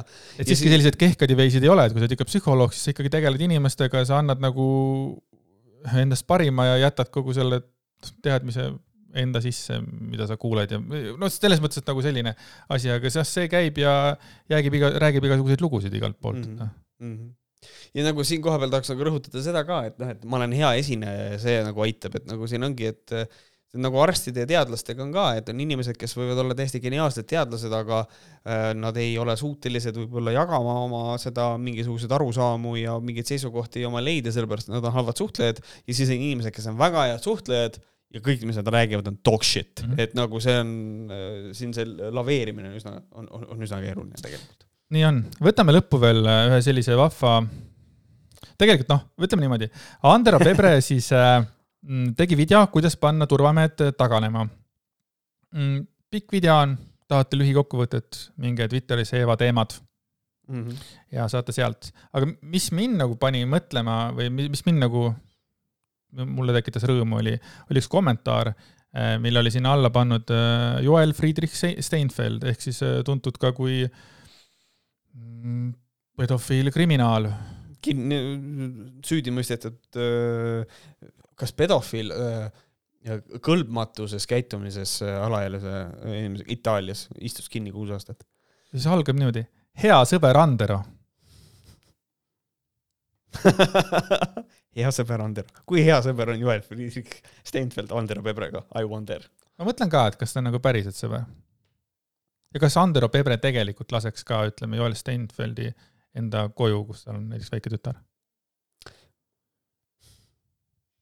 no mina, ma, kuna kõik need olid poisid, kellega Steinfeld siis võib-olla siis la, lased. jah, see on nagu Michael Jackson, et noh, tütardega on chill, vaata. et noh. tere küll. Äh, tänud sulle selle suurepärase julgustuse ja õppevideo eest, aga palun tee üks lühike ja konkreetne nelikümmend viis kuni kuuskümmend sekundit kestev, väga hästi läbimõeldud nii-öelda videodokument, mida iga Eestimaa kodanik saab hoobilt oma mobiilist ette mängida just sellises olukorras, kus mingi suvaline turvatainas, kes tegelikult ohustab meie turvalisust või ära peedistatud ja oma tegelikest tööülesannetest kõrvale kalduv kassapidaja, kes nõuab ostjalt tema teenindamiseks maski või kes tahes Terviseameti ametniku jupats või ka politseinik ise tuleb meile avalikus ruumis kätt ette panema ja täie rinnaga hingamist takistama. sest mitte kõik ei ole võimelised ise oma suuga end piisavalt kompetentse pädevusega kaitsma. ehkki iga normaalne inimene teab, et sellised repressiivmeetmed on ajuvabad ja inimsusevastased usun, et selline videodokument leviks üle Eestimaa kulutulena inimesed saaksid julgemini ja kindlamalt enda õiguste eest välja astuda. muuseas ka mina ise sest pelgan, et mul ei jätku just nimelt pädevust ja kannatlikku meelt vaielda mingi taina peaga ja ega ka minul need seadusepügalad tagataskust võtta ei ole. küll aga kasutaksin ma rahumeeli enesekaitsevahendina sellist varianti, et esitada mul olematu koroonapassi asemel selline videodokument, äh, kus iganes minu kui Eesti Vabariigi põhiseadus kuuleka kodaniku õigusi piiratakse. suured ja siirad tänud juba ette nii minu kui kogu tervemõistusliku Eestimaa rahva eest. Äh, ja, ja lõpud on, on need emotsid, emotsid ja viimane on tiigrikutsu viimane tiigrikutsu, et on südamed, naerunägu, kauboi ja siis on äh, tiigrikutsu. nii, minu küsimus sulle, härra intellektuaalne Märt Koik. Davai, pane. jah, mida te soovite? Andero Pebre teeb nii-öelda videodokumendi mhm. mm. -hmm. tuleb turvamees ja siis see idioot võtab selle välja ja näitab seda nelikümmend viis kuni kuuskümmend sekundit mm. -hmm kuidas see nagu peaks töötama ma ei tea, see ongi nagu kõige parem selle asja juures. et äh, nagu, eriti mulle meeldib see, et ta nimetab seda enesekaitsevahendiks, nagu siis äh, Steinfeld, et see on enesekaitsevahend. et äh, kui muidu on haia, siis nüüd on haia, et vaata seda, et, et ja, ja, ja mulle meeldib ka nagu see täiesti haige mugavus. et äh, selle asemel, et ise nagu enda seisukohtade eest seista Ander, ole hea, tee dokument, ma saan näidata, et nagu selles mõttes ma ise, mul ei ole seadusepügalaid ja asju, aga, aga otsi välja, tee ise see dokument valmis ja siis nagu kui raske see saab olla. ma tuletan meelde, et Andero Pebre rääkis, äh, et tegu on, et noh, et ütle, et sa oled suveräänne kodanik, mis on see sovereign citizen, mis on see, et sa ei pea Eesti riigi seadustele üldse alluma ja see on kogu see pask, see on lihtsalt nagu see, et on olemas videodokumenti, et see levib kulutulena üle Eesti, see ei tähenda, et see on õiguslikult pädev. et see on selles mõttes on, see on väga naljakas, et kui sa küsid mu käest, kuidas see toimima peaks, noh, ta ei toimigi. et selles mõttes, miks kassapidaja ei või öelda, et ta ei teeninda sind, et selles mõttes, kui kui sul, kui, kui me paneme, kui Selver otsustab, paneb suure sildi, me ei teeninda habemetega inimesi, siis kassapidaja ütleb, sorry, sul on habe, me ei teeninda sind. noh, see võib nõme olla, aga, aga see on selle, selle poe policy, lihtsalt nii on, noh, nõme. minu mõte oli see ka, et kui vanasti Kris Kalasugused vennad viskasid põhiseadus, mis juhuslikult lahti on, vaata viskasid turvameestele näkku ja politseinikele, siis, siis nüüd on see tuleb, vaata võtab selle lollaka video, nelikümmend viis, kuuskümmend sekundit. mille on teinud mingi suvaline eksjalgpallur. mingi Andero Pebre räuskab seal midagi, onju. siis turvamees ütleb, et äh, ma ei näe põhiseaduses seda kuskil kirjas olevat, et ma pean teie videot vaatama jah, just ja siis, ja siis on nagu Steinfeld ka. türa touche, kõva, väga hea, kuule, ma lähen õue see oleks päris äge. Äh, ei ole midagi teha, et äh, Friedrich Joel Steinfeld ronib ka igale poole, ta on ka kõigi sõber. ta on kõigi sõber, jah. ja naljakas selle video juures, selle Pebre video juures oli see ka, see ka, et ta ütles ka veel, et, et noh, tema helistas politseisse, kui turvamees teda nagu hakkas ahistama ja siis midagi, ta ajas mingit joorupit ja siis turvamees oli öelnud, et noh, et noh, te võite siis kähku ära käia, et käige ära, onju. mingi teema ja siis pärast politsei oli helistanud, noh, kas kõik sai korda, onju, et noh, jah, sai korda ja mingi asi selline asi mm.. aga saad aru, Andero Pebre, kes sõimas politseinike Mendi jussideks vist. mingi, mingid, mingid, mingi terve hunnik äh, vahvaid sõnu, eks ole, ja siis tema ka nüüd kõva vend helistab Mendi jussile, et kuule, tead, mulle teeb turvamees, tead, ei lase mind võppa. nagu what the fuck, vabadusvõitlejad, ma jääs see on jah. täiesti putsis, noh. nagu natuke ebastabiilne värk, et. arvad või? et siukene ja see on nagu veits nagu see, äh, Steinfeld on veits nagu Varro selle koha pealt, kui me Varroga alustasime, siis et Varro on ka vaata, ütles ajakirjanikele, et olge hea, uurige välja siis, äh, kuidas tegelikult on selle koroonaviiruse mingi levikuga kuradi ma. ja nüüd täna, tõmban nahhu, siit ma ei taha True, täiesti versus. jah, ikka noh, see on, ma kujutan, ma kujutan ette tegelikult seda, et äh, ma, ma teen Facebooki äh, grupi, et mina usun sass-ennot, et mina usun sass-ennot, et Varrol on, äh, on see depressioon, et tal on tegelikult, tal on jumala putsis olla. et tal on niimoodi, et tal on väga-väga raske, terve maailm on ta vastu pöördunud ja ta ei suuda olla õnnelik lihtsalt sellepärast. jaa, aga mina olen nagu Brigitte Sunna Brigitte Susanne Hunt ja teen hashtag mina usun Ants Rootslast. ja, ja minu küsimus on, mille, minu esimene küsimus oli, et milles ma usun Ants, Ants Rootslast, mida huvitav, kas Brigitte mõtles? Brigitte ütles mulle, et see oli nali. et see oli, ta tegi liikumise üle nalja. Aga ta ju toetab tegelikult Ants Rootslast ja kuidas ta nalja siis teeb? no kui ta tegelikkuses toetab? sellest, mis ta mulle kirjutas, mulle jäi mulje, et tema loomulikult toetab ja tema, tema saab Antsust aru ja siis, kui ma seletasin talle uuesti, et noh, mis asjad on problemaatilised, siis Brigitte ütles mulle seda, et ei no aga ma olen enne, ma olen meelelahutaja ja ma tegin lihtsalt nalja. mis on hästi halb kaitse, et see on selles mõttes, et noh, et kui kaua sa saad varjuda selle taha, et sa oled meelelahutaja kui palju sa saad selle taha äh, varjuda, eh, millal sa oled siis meelelahutaja, kas sa saad siis panna ette äh, hashtag meelelahutus, koolon ja siis kirjutada selle asi, et see on nüüd nali, sellepärast et kui sa käid näiteks kõnelemas mingil teemal esse saates, kas sa siis oled meelelahutaja või sa siis oled arvamusliider, et nagu see on selle koha pealt äh, väga problemaatiline, et ma loodan, et ta nagu selle asja mõtleb ikkagi natukene läbi rohkem. siis oli vaata, mina usun äh seda väikest äh, pedofiili Otto Triinu, vaata oli. see oli, oli Venno Loosaart ja kõik algas Andrus Veerpaluga. jah, ja, ja, ja, ja siis, kui tuleb välja, et Andrus Veerpalu algusest peale has been a shady fuck, siis on lihtsalt nagu see kõik see asi on lihtsalt nii kurb. Veerpalu, uskusite. Loosaar, uskusite. jah. rootslane uskusite. uskusite How long can you go? How long can you go? oh, aga mis seal ikka, äh, keda te võite uskuda, on äh, Võhkarid ja neid te võite uskuda isegi nii palju, et te lähete meie Patreoni, mis on patreon.com kaldkriips Vohkarid ja sealt on ligipääs teil meie lisasaadetele, mida me teile pakume. ja kõige pullim on see, et täna on neljapäev, teie kuulate seda reedel ja juba järgmine teisipäev te saate Patreoni endale osa. just. uskumatu et, äh, et, et niisugune asi, aga kõikidele kuulajatele suur-suur äh, tänu, et olete olemas ja kohtume teiega järgmise, järgmises saates. loodan, et peate ilusasti vastu, püsige terved ja äh, ma ei tea, ärge, ärge jääge sita grippi nagu mina. Davai.